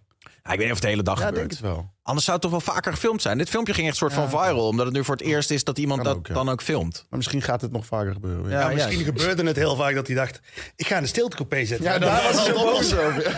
Kom, hier ook al, kom op jongens. Een beetje etiketten. Letterlijk een politicus geëxecuteerd van... kom op jongens, een, beetje, een beetje wel met elkaar leren Ja, hoe omgaan. durft hij dat te zeggen? Ja. We hebben hier in Nederland regels. Redelijkheid en billijkheid. Nee, maar ja, goed. ja, ja. hey, wat ik zeg, weet je, hij heeft zijn straf uitgezeten, inderdaad. Maar een scheldpartij, ja, dat, daar ben je niet. Dat, dat, dat is ook vrijheid van meningsuiting, toch? Of wat denk je? Ja, hij doet ook niet zoveel, die gast verder. Die, eh, hij- maar Nee. weet je wat ik jammer vond in het film? Hij filmt Volkert niet. Hij filmt, Hij filmt hem even, maar Volkert echt- zit helemaal zo weggedoken. Ja, oké. ja, ja, ja. Ja, kom op. Dat vind ik sowieso vervelend. Dat je een filmpje ziet waarin iets heel heftigs gebeurt. Alleen dat is het wel... Dat het niet goed gefilmd is. Ja, dat ik denk, ja, kom op. Doe dan ook een beetje je best. Als je dan de moeite neemt om het te filmen. professional. Ja, kom maar. Ja, hou die camera even stil. Volg de actie. Ja. Ja. dat vind ik dan ook bij zo'n tsunami. Dat ze dan in één keer zeg maar, wegfilmen van het water. Dat ik denk, dit is Ja, wat ik wil zien. Loop dan achteruit terug. Ja, precies. Doe je best. Sterren voor je vak. Zo'n zo Reddit is zo praise the cameraman. Ja, ja, ja. Maar ik heb altijd het idee dat die cameraman voor de helft van de tijd ook doodgaan, zeg maar. Van, Oké, je blijft er filmen, want anders vindt Daniel Lippens dit niet leuk. Ja, Oké, precies. dit, gaat- dit is te lang, heeft te lang Ik toch die cameraman in de pornofilm, die gewoon, die, dat shot je toch wel, dat ze dan, eh, dan zijn ze met het cumshot Oh, dat is in zijn bezig. Gezicht. In zijn gezicht, hè? Dan ben je dus echt passief voor je Ja. vak bezig, hoor. Heb jij niet een keer eh, iets met porno gedaan bij Slam? Ja, ik heb een keer op de set van een pornofilm hebben wij een Oh, jij keer, was, was eh, dat toen met Rens? Toen? Ja, wat me- wij, dus dat is een van de best bekeken Nederlandse. YouTube-video's Ja. van Nederland, ja. Dat is, 3,1 miljoen Maar of was zo. dat veel dat- meer, 75 miljoen. Oh, ik- maar ik heb die video. Ja. eh, Heeft Rens. Want Zal jouw ik even, zal ik even kijken? Zal ik hoeveel even- hij? zal ik even kijken ja, die. Ja, ja. Ik heb nou het idee dat ik op een Slam FM eindejaarsborrel. En dat ik net een nieuwe stagiaire ben. Oh ja, dat was leuk toen jullie dat Nee, maar even, want, want ik kan me nog herinneren. Want, eh, of Slam heeft het twee keer gedaan. Maar ik kan me één zo'n video herinneren van Nee, die Slam met, met Rens. Eh, dat, dat dus op een gegeven moment dat meisje wordt dus Ja. ja, echt oneerbiedig hard in haar eh, achterste eh, genomen. maar- ja. En die zit dan daarna een peukje te roken. mij, en, dan doet, en dan doet een van jullie doet een interview met haar. En dan zit zij echt zo'n peukje te roken. Ja, ja, wij zijn een keer gaan meelopen op de set. Wij deden een, eh, weet ik veel, we komen jouw baan overnemen. En toen had iemand gestuurd, ja, ik werk op de set van een porno, porno set. Dus wij zeiden, kom maar langs. En het was echt een porno eh, film. Die gast, eh, die zat daar gewoon zo. Je kan het in het video zien. Ik vind het ook bizar dat YouTube hem nooit eraf heeft gehaald. Maar een beetje geblurred en zo. En die zit er op een gegeven moment eh, zit hij zo van... Ik wil dat je dit doet en ik wil dat je hier een beetje aan zit. En ik wil dat je, dat je zo doet. En hij werd ook boos op die acteur. Dat hij zei, kom op nou. we, zijn hier niet, we zijn hier gewoon aan het werk. Dus je moet gewoon hard maken. Ja, druk super raar, jongen. Wij stonden erbij. Ja, maar ergens snap ik het ook wel. En wij zaten er ook zo- je baan. Ja. Ja, je kan ook niet met je kan maar niet een halfje erin Ja, Oké, maar dan hebben we, dat, hebben we dat zelf niet wel eens een keer meegemaakt. Dat we bijvoorbeeld van een technofeestje afkwamen... en dat dan de substanties in je lichaam zorgden dat het niet helemaal mee ging. En dan heb je vrouwen die zeggen van... Kom op nou even. Ja, dan ben kwijt. altijd. Dan ben je kwijt. altijd. Ja, ik zou even verder over te... Uiteindelijk, wij mochten daar dus... Ik moest het licht doen en dan moest je... Je staat er zo dicht op. Nou, had ik echt nog nooit op die manier meegemaakt dat je eromheen staat. Op een gegeven moment eh, lukte... Hij werd een paar keer naar de badkamer gestuurd om... eh van, nou, fluffen? Fluffen? Ja, ja, ja, ja, ja, echt. En op een gegeven moment was het... eh, die regisseur was een beetje klaar, maar die zei... Nou, dan vind ik allemaal klaar. Jullie moeten nu eruit. Moesten we allemaal weg, omdat het hem niet lukte. Oh ja? Ja, ja, ja, ja. Maar dan was het ook nog, jullie hadden, wat ik zeg, jullie hadden ook nog echt meteen een scène uitgekozen. Het was ook niet gewoon normale Nee, seks. was het was. Dit is Nee, echt nee. harde porno, ja. ja, ja, ja. En, en dat, dat meisje sprak ik daarna inderdaad. Ik weet dat, eh, zat, zat, zaten we een sigaretje te roken na de seks. Eh, nou, ik geen seks. maar, maar zij, ja, ja, ja, ja. Jij zei, doe mij ook even een ijsje. Was- supergoed. Maar ik vroeg dus, heb je nou eh, door dat al die mensen hier omheen stonden en zo? Maar zij zei, ik heb gewoon niet doorgehad. En zij gaf zich volledig. Ik dacht echt, oké, knap. Zij Ja. zette zich gewoon uit of zo. Ja. Ik, ik, ik, ik, Jij herken kent dat. dit? Nou, ik ben, ik, eh, ik eh, ben laatst naar de Moulin Rouge geweest. Oh. Dat eh, is op de Red Light District. Dat is zo'n seks... eh, een seksshow. En dan heb je elke 10 minuten, heb je, je bent daar een uur en elke 10 minuten heb je een andere act. En ik woon daar in de buurt en ik zit te kijken, kijken altijd naar. Dus ik dacht, ik wil daar eens naar binnen. En het is echt een act. Het is allemaal gewoon heel erg bedacht. En wanneer je op welke muziek en dan ook op de muziek. En op een gegeven moment het allerlijpste. Ik ga dit even niet. Ja, ik moet even kijken hoe ik dit Kom zeg. op, dan mag je. Hou het een Twitch. beetje... Ja, een eh, beetje. op Twitch, hoe- Eh, Twitch kan alles. Nou, Ja, nee, maar- zolang je het niet laat zien, mag je best veel Oh, bespreken. Oké, dan, dan la- Nee, je mag het niet uitbeelden. maar- Oké, nou wat er gebeurde. ehm, ze- er, legt een kussen neer op het podium. En je zit dus, nou ja, zover als ik nu van jou zit ongeveer. En zij ging op dat podium zitten. Zij steekt een kaars aan en begint Ah. met die kaars van alles, of van het kaarsvet, op zichzelf te laten vallen. pingpongshow. Maar, dus zij doet dat. En je kijkt daarnaar en je denkt, oeh. Wel knap. Wel knap. Vervolgens, Oeh, ja. vervolgens wat, de- wat zij doet, zij draait hem om. Oh, met vlam en al. Met vlam Nee, en al. dat is niet meer- En- dat is nee, niet nee, nee, maar, nee, maar de vlam naar beneden. Dus het was de, alsnog heel intens, maar met de vlam naar beneden. En zij doet vervolgens een handstand en laat, handstand en laat het kaarsvet op de... Oh, jeetje. En dan zit je daar dus weer en je denkt inderdaad, wat de hel is dit nou? Ja, dat is wel echt hartstikke knap. Ik vind het jammer, want ik ben net jarig geweest. En dit had ik wel met mijn verjaardags, verjaardagskaartjes willen doen. Ja, maar en dat gebeurt dus dan zes keer per uur. Dat je daar gewoon zit met wat de hel Maar dan is zit dit? jij dan Maar ook van dat zij daar allemaal aan de gang en zeg je... eh, maar mijn drie woorden voor mijn volgende rap, heb je die nog, mevrouw? Het is wel een mooi bruggetje naar Friemelen, dit. Dit is inderdaad, ja, dat ik had, heb ik ook zelf zo. Ja, had je een beetje zo bedacht. Je denkt, eh, gaat die godsamme nog een keer mijn plaat? Zo, dus je gooide eerst, je dacht, ik begin eens over een pornofilm bij je. En dan ga Ja, ik zo ja, naar ja. mij en dan gaan we zo... Ah, Want eh, op Valentijnsdag heb je een nieuwe tune uitgebracht, Friemelen. Yes. Eh, en het, is, het gaat dus inderdaad hier ook over. Ja. Heerlijk TikTok-proof. Tune duurt nog geen twee minuten ook. Nee. Ja, wat is dat allemaal zo kort? Waarom? Ja, meer streams. Ja, weet ik, ja, weet nou, ik, nee, maar- niet, niet eens. Maar ik, ik had bij deze plaat vond ik ook dat hij niet meer nodig had. Inspiratie was op. Mooi. Nee, ja, ik had echt nog wel. kun je Ik, ik altijd had, zeggen van dit had echt niet meer nodig. nee, ja, precies. Ja, dat had ook gewoon niet meer nodig. Een soort Eh, valse bescheidenheid ook. Maar het was zo goed, we waren er al. Zo fucking, fucking lekker nummer. Eh, nee, ik had nog een hele verse geschreven. Eh, alleen de eerste keer dat dat liedje eindigt, de laatste zin van het liedje is... Kijk naar de sterren, zie de geile beer. En toen moest ik gewoon zo hard lachen toen ik dat, je voor dacht- het eerst uitsprak... dat we dachten, fuck it, Dat is, dit is hem. we houden hem gewoon hierbij. Dan heb je nog twee eh, mooie dames bereid gevonden om jou in de videoclip eh, te bereiden. Of in ieder geval eentje bereidt jou, de ander die ligt ernaast. Ja, ja Indigo Ah. en Saar. Eh, Indigo, Kunnen we dan, zien of niet? dan ben je ook Ja, wel, als, je, als je moeder je de naam Indigo geeft, dan ben je ook gemaakt om in zo'n cli- videoclip te fungeren. Ja, nee, maar dan ben je- nee, ja, ik weet niet of dat precies het geval is, maar dan ben je wel gemaakt om gewoon echt een super mooi mens te zijn. Kunnen we allemaal van zeggen wat Knap we willen? Of welke zin mooi? Eh, knap. Ja, knap. Ja, ja, oké. Daar kunnen we allemaal eerlijk over zijn, toch? Indigo. Ja. Ik ga Kijk, naar, ik maar zie jij, dat is toch ook een psychologeninstelling? Indigo? nee, serieus. dat is- Daar ga ik heen. Zie je interest? Ja, Ik noem mijn kind Jellinek. Maar dat is toch... Indigo? Hoi, dit is zon, dit is schild. Goed, eh, zullen we gewoon, ehm, wat ik al zei, het zou top zijn als je het inderdaad zo weet te maken, Max, dat ik niet eh gestrikt word voor het eh, uitzenden van je, van je videoclip. Als Ja, het op TikTok mag, dan mag het, eh, mag het op Twitch ook wel. Want op, op TikTok mag helemaal niks. Daarom. We gaan erachter komen. Ja, ik, ik weet niet Oh of nee, nee, nu nee, ik bedoel meer voor, de, de- Ja, precies, dat je me niet copyright... eh, Nee, dat ga ik. Ja, nee, ja, juist wel. Gewoon je eerste show gelijk bakken. mijn vader is advocaat. Echt waar?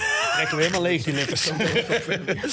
Oké, ehm, nee, ik ga hem gewoon integraal draaien. We, zijn, eh, we kijken hem gewoon even. We komen zeker nog, eh, nog terug. We zijn nog niet klaar met de talkshow. Maar dit is Max en zijn nieuwe tune, Friemelen.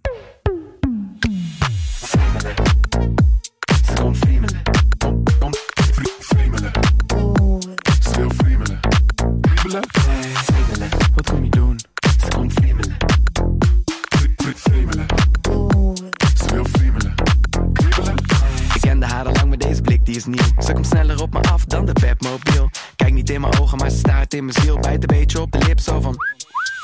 Ze wil voelen waar de zon niet schijnt. Ik zeg sorry lieve schat, dat is niks voor mij. Ze drukt haar punt door, stiekem vind ik het fijn. Oeh, deze dame heeft de eyes on prize. Ze gaat zitten op mijn schoot, begint rustig aan te wiebelen. Gelukkig heb ik vroeger in de klas leren kliederen. Ze wil mijn noten lezen, zingt de hele nacht liederen. Fluistert in mijn oor, ben een hele flexibele. Friemelen.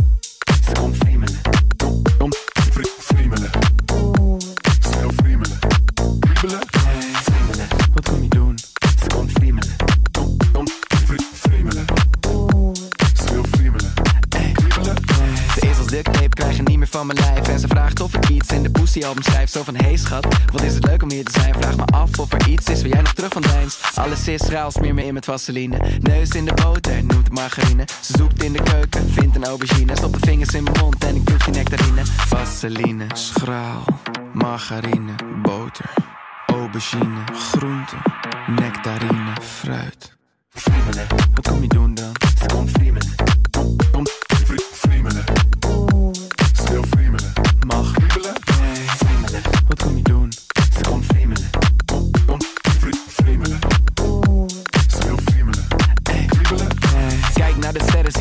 Zie de geile beer. Ja, Max Snel jongens, en, ik eh, ga het nu allemaal zeggen tegen jullie. Hier worden allemaal dingen besproken. Dit is hoe ze het bij de radio doen. Ik ga alle geheimen lekken. Ze doen bij de radio allemaal afschuwelijke dingen zeggen. En dan zetten ze het nummertje af, op. Ja. En, dan, en dan zeggen ze inderdaad... En nou iedereen zijn bek weer dicht, nou gaan we weer normaal doen. Ik heb zo vaak Dit zijn waanzinnige mensen. Ik heb allerlei dingen gehoord. De Moulin Rouge, er is er niks bij. Ja, maar hoe vaak hebben we niet Adele... Of, Adele niet, maar dat je iets draait. Nou, misschien wel Adele. Dat je, zegt, dat je op een gegeven moment denkt... Wat een kutnummer dat je over Ja, hebt. ja, ja. Zo, de Adele! Nou, nou, er wordt... Mag Nee, je dat je- zeggen? nee, ja, je- joh, je zegt Het buiten is als het nummer draait. Het is dan neem maar, dan- dan- Maar je mag niet zeggen van... Oké jongens, sorry. Het staat nu al Nee. 50 maanden in de slam voor. ik, heb dat wel, ik heb dat wel gezegd, ja. Bij Ja, ik ook. Ja, en, En daarom werk ik nou een beetje persoonlijke- Maar van niks zit hier. En maar persoonlijke irritatie voor mij. Die persoonlijke irritatie voor mij zit hem vooral bij dat al die platen ehm, nu gewoon allemaal remixen zijn van. Ja, en allemaal twee minuten duren en allemaal kort. eh, Nee, dat vind ik wel heel sterk. Eh, ik vind vooral die remixen vind ik echt super kut. Gewoon. Overigens, je krijgt wel complimenten voor het liedje, maar eh, ook eh, Jeffrey die zegt het was nog kutter dan ik dacht. En ik, had al, en ik dacht al dat het slecht was. Dankjewel. Ja, maar het is ook een duivel, dat zie je. Het was nog kutter dan het was. Dat ik dacht. ik had me op het slechtste ingezet, dat was nog slecht. Nee joh. Eh, en ook mensen die er, die, die er wel van konden genieten, gelukkig. Ach, ja, kijk, weet je, ik, zolang ik er zelf van kan genieten. Wat ik het allerleukste vind en waarom ik ook muziek maak, is dat als iemand mijn liedje luistert, dat iemand wel kan denken: hey, hij heeft het in ieder geval hartstikke naar zijn zin. Ja, nou, dat Nou, had je. Zo zag het er wel uit. Nu zet je jezelf neer als bezigheidstherapie. Ik ben ook, ja, dat is het ook. Oh, maar ja. dat zijn wij letterlijk nu. Ja, goed. Zo, ja, ja, ja. we zijn gewoon mensen aan het eh, even aan het. eh, eh, we zijn ze aan het bezighouden zodat ze niet denken aan het onvermijdelijke niet zijn dat er aankomt, zeg maar. We gaan dood. En dat van een- zijn en niet zijn. Ja, en dat hun leven allemaal nutteloos is van al die kijkers. En dat ze. Hè, is ook een fenomeen, hè? Voordat ze, voordat ze dood zijn, zijn ze allemaal vergeten, zeg maar. Ze zijn even afgeleid daarvan. Nou, als Wij zijn eigenlijk feitelijk niks, hè? Dus we maar zijn niks. nou- Nou, wij wel. Jullie Die mensen daar niet. Ehm, ik zit even te denken. eh, wat, eh, oh ja, wat ik nog wel een interessant topic vond is. ehm, Wij wel. Nou, wat zei je? Hij viel pas even wat later bij wel. Dat ja, sorry. Eén serieus dingetje wat ik toch even wil aansnijden. En nog een iets luchtiger dingetje. Maar ehm, het viel er straks al eventjes. De dood van Navalny. eh, raakte mij best wel. Ik heb die docu ook nog een keer zitten kijken. Die werd meteen op eh, Nederland 3 of 2 eh, die avond uitgezonden. Eh, wel een hele goede docu eh, eh, trouwens. Eh, waarin hij dus op een gegeven moment een telefoongesprek ook pleegt naar, de, naar de gozer die hem dus geprobeerd heeft te vermoorden. En dan zich, hij doet zich voor als een FSB-agent. en dan zegt hij, ja, hey, maar eh, zeg nou eens even eerlijk, hè, waarom is het nou misgegaan met die, met die kut Navalny? En dan zegt die kerel, zegt, ja, eh, dat kutvliegtuig het landen in één keer. En eh, anders was hij gewoon echt wel dood geweest. Maar ook zeggen van, lui- zegt je ook van, ja, in onze branche kan er van alles gebeuren. En zo zit hij ook echt van, ja, er kan van alles gebeuren. Als, als hij langer in de lucht blijft, is hij dood, inderdaad. Maar hoe die mensen ook zitten, dat, want hij is eerst houdt hij er een beetje af, die man, die, die, moordenaar dan, zeg maar. En dan opeens stapt hij in van, ja, kutzooi. En dan zie je iedereen daar zitten ook van, oh god, hij is het echt aan, hij is nou aan het vertellen, hij is aan het bekennen nu. Zo. Maar het mooiste, ja, het, het mooiste of het iets is dat het allemaal niks uitmaakt in Rusland. Want ik heb ook het Buitenhof vanochtend gezien. Daar zit die man van de Moscow Times en die, eh, eh, die, die Russische, eh, die oude investeerder, die Amerikaan, die zit ook, die waren ook en die zijn ook echt geraakt, emotioneel. Want die zien ook, en dat voelde ik niet zo, dat er nog zo'n hoop rond Navalny zat. Van als het dadelijk hier allemaal valt met Poetin. Als een soort. eh, die komt uit de gevangenis, zeg maar. Als een soort Nelson Mandela. En dit is de nieuwe president. En nu verandert het allemaal. En je voelt echt dat, dat, mens, dat bij mensen die dat idee hadden. dat de hoop dooft. En dat idee had ik helemaal. Dat voelde ik niet zo. Maar het grootste gedeelte van Rusland door alle propaganda had niet dat Heeft beeld geen idee, hem, toch? heeft geen Ja, idee. juist een zwart beeld van hem. Omdat Ja, ja, hij zo ja, eh, was neergezet. Wat ik wel opvallend vond. Want hij op- Poetin spreekt zijn naam niet eens uit, hè? Zegt Ja, altijd, dat- ja. als, als Ja. hij ter sprake komt, zegt hij wel, ja, die, die, die ene die net genoemd werd. Een soort Voldemort. Ja. Ja.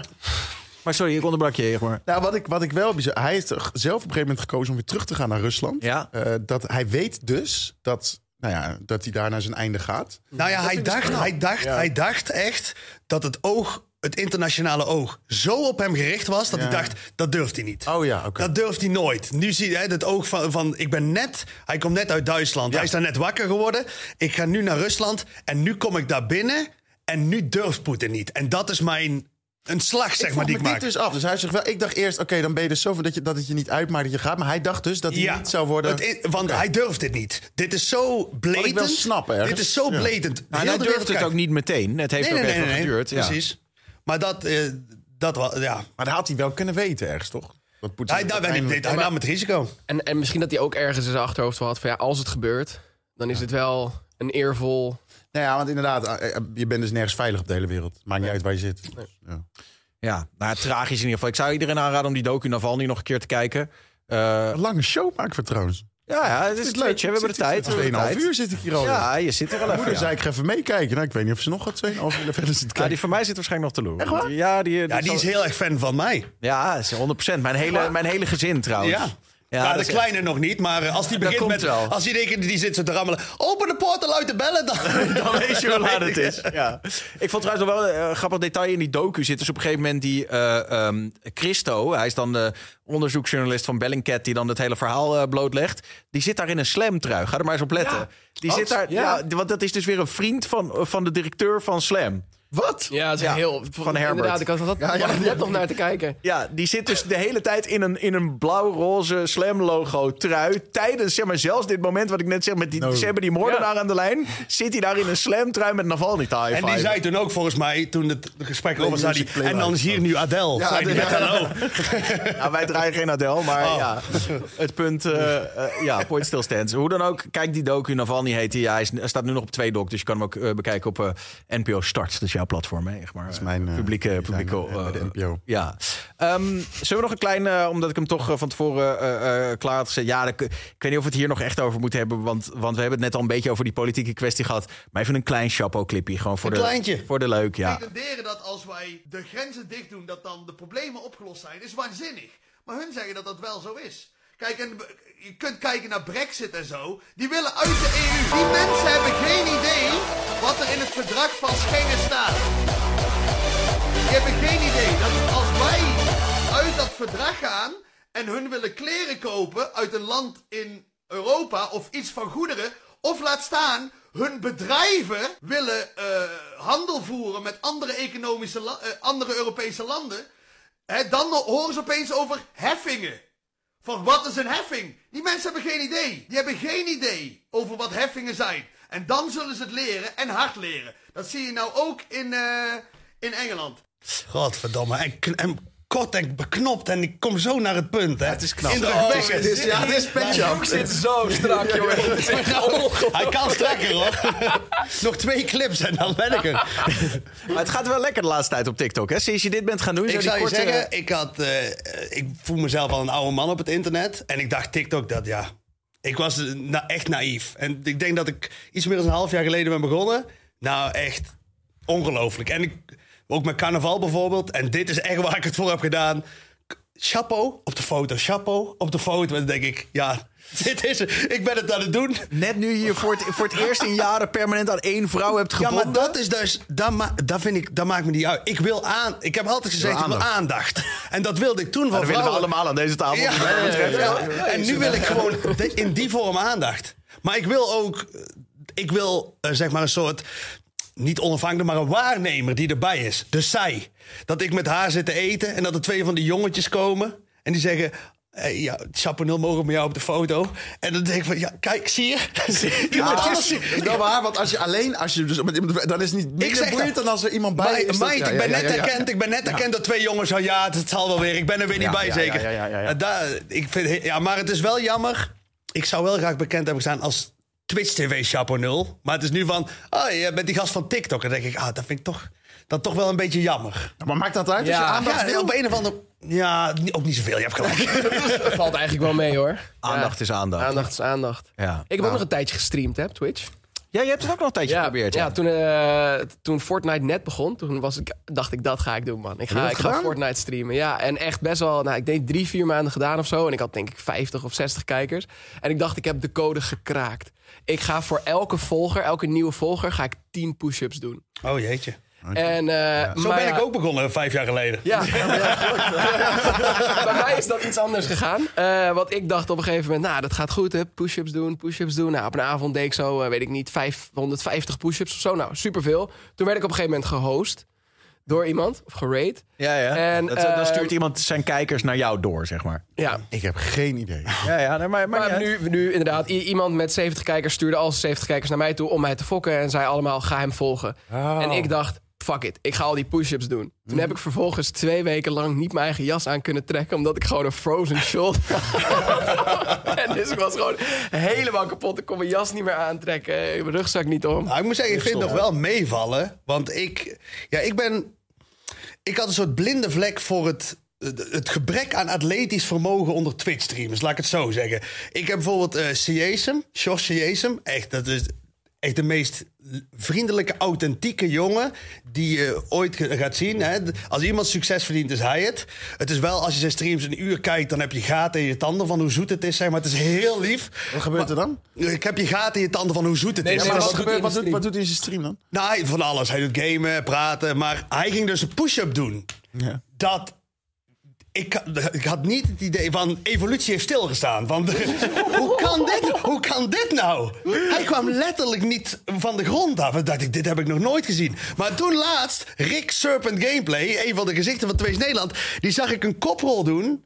Nou, die moet nu retroactief gewoon eh, groep 1 tot 6, zeg maar, op de basisschool meedoen om een koprol te leren. die niet. kan geen koprol. Ik kan dat ook niet, denk ik. Oh god, Nee, serieus. daar ga ik. Maar dat is, ligt met je motoriek te maken.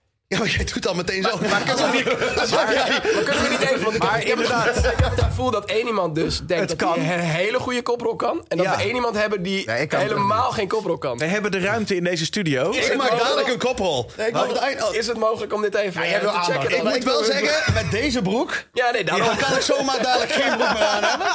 Maar dan doe ik het op het einde. Ja, oké. Sluit nou ja, het we, af gaan, langzaam Maar richting dan mag het je einde. mijn koprol... Koprol. Spreek ook Engels. Mag je mijn koprol raten? Oh, ja, jullie gaan het allebei proberen. Ik wil jullie wel aanraden, ja, hier kan het, maar kan daar heb je echt het niet een tapijtje koppel. nog. Eh, Oké, dan gaan we dat zo doen. Eh, jongens, ehm, wat, ehm, wat zit er nog allemaal aan te komen? Eh, Ik, eh, we kunnen jou natuurlijk volgen op Funix, maar je bent ook lekker weer druk op social dingen aan het doen. En binnenkort iets heel... eh, Oh ja. iets moois. Maar dat mag, volgens, dat Mag je nee, nog niet nee, vertellen? bewust nog niks over vertellen. Maar dat, Maar is wij, zo'n saai antwoord. Oké, ja, dus dit is Ja, inderdaad een heel stom gezegd. antwoord. Maar ik, je- ik weet dan toevallig wat er aan zit te komen. Het is iets heel, heel interessants. Eh, tegen die tijd moet je ook zeker hier aanschuiven Ja, om daar alles over te vertellen. En het is echt...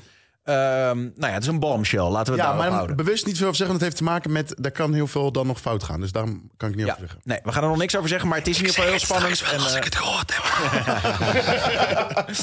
Ehm, dan, eh Chapo, ja, je bent gewoon lekker af en toe aan het streamen. Soms eh, mensen, mensen willen dat je vaker streamt, maar... eh, Oh nee, ik stream juist heel vaak op dit moment. ja, oh, nee, sorry, dat is de, de kritiek. Sorry, is mensen meer willen dat je minder streamt. Nee, mensen willen minder dat je minder League of Legends League, streamt. ik ben alleen maar League aan het streamen. Ja. En dan zeg ik, dat, ik zeg dat zelf, het is Twitch zelfmoord eigenlijk. Maar ik heb eigenlijk wel nu een dermate basis... dat ik nu letterlijk met spelletjes spelen... een hele flinke boterham verdien. Dus fuck jullie. Dan hadden jullie maar niet zoveel geld moeten geven. Ik, eh, ik ga door Zeg met je nou fuck jullie tegen de mensen die jou een flinke Oh, boterham geven? nee, Hij nee, haat nee. ze. Je d- dat was net ook Jeffrey Devil. Les 1, dag 1 van Twitch. Minacht de kijker. Fuck de kijker. Je moet niet doen wat hun willen, want ze hebben geen idee.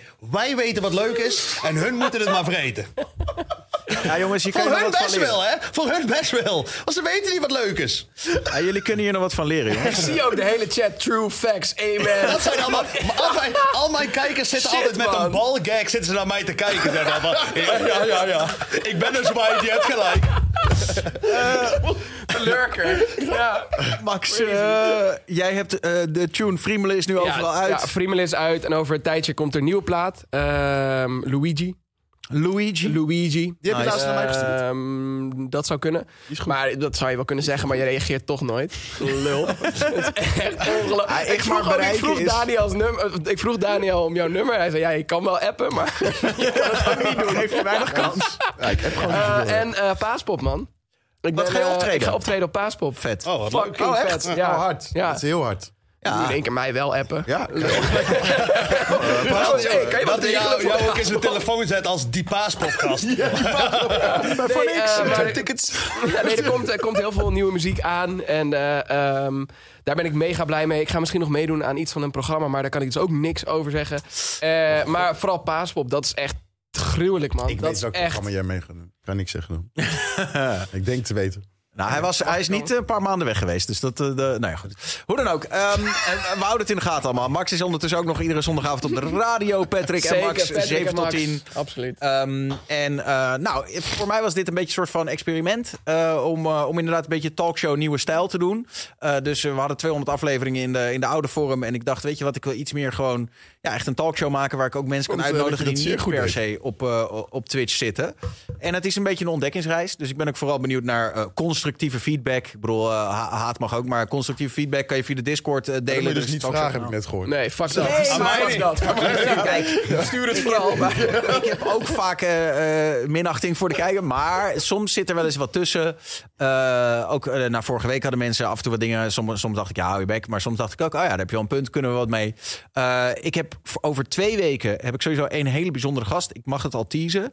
Uh, want vandaag was het een beetje een, een kleine uh, mannen, mannen onder onsje. Maar over twee weken, want we doen volgende week. Gezien, volgende week geen talkshow, maar over twee weken weer terug hier vanuit de studio. En dan heb ik de maakster uh, van de documentaire die uh, deze week in première gaat op Videoland en op AT5. De gijzeling in de Apple Store. Ja. Oh, en ah, zij okay. hebben dus die uh, beelden van die kerel had een, een GoPro om. Oh, um, en die heeft zij mogen gebruiken om daar een documentaire van te maken. en zij komt dus over twee weken, de docu kan je dan al hebben gezien, maar zij komt dan vertellen en dan gaan we, nou ja, ga ik met haar wat langer oh, gesprek hebben. Ja. Over, dan is er ook weer een, een nieuwe tafel hier. Echt maar, uh, dan, dit, je was, nee, dit was hem wel weer. Nee, je, mag, je mag nog een keer terugkomen. Maar het idee is om voorlopig eens even gewoon te wisselen. Kijken hoe dat, hoe dat uh, voelt. En soms zal het ook een Twitch-streamer zijn. En soms is het inderdaad iemand anders. Uh, um, dus dat. Um, en en nog, nog meer interessant. niet goed genoeg. Het was gewoon echt niet goed. gewoon verkapt. Je was ja. ja. Wij zaten net op de bank te luisteren. Wisselen. Ja. Bel ons niet, wij bellen ja. Ik zag wel nog in de chat de koprol. Ah, ja, ja, inderdaad. Ik hoorde het ook al uh, inderdaad vanuit de regie van vergeet die koprol niet. Doe, uh, ja, hier is harde vloer en daar heb je zachte vloer. Waar wil je dat? Daar ja, daar, daar, ja, dus, nee, dus, Oké, okay, nee, dan doe je het lekker daar. Is ook goed. Dan doe je het daar. Even kijken. Je, je hoort ik heb hem. hele strakke broeken. Je moet je misschien niet helemaal in beeld, dat is TOS. Oké. Van de judo Oh, zo! Oh, die broek is toch te strak. Ja, het is gelukt. Het zeg maar een soort van... Ook niet oh, slecht. Nee, is niet, niet slecht. Dat zijn vijf ja, Alsof je in de Moulin Rouge zit. Even ja. Het is inderdaad zo nou. nou, zo, nou, nou. En nou is het toch veranderd in de dansklauwtjes volgens dans, alsjeblieft. En zo moet het ook eindigen. Tja. Um, je hebt een legging aan. Jezus. En nou, jullie, ja, maar wat is, wat is dit? Fem zet mij voor het blok of ik dan inderdaad een paar push-ups ja, doe dan ook gewoon. Nou, dat... Max, wat ga jij zo doen? Ik, wat zei je? Sorry. Max, wat... Ja, is dit oké? Okay? het, valt, het valt niet... Het is, het is geen seriesum.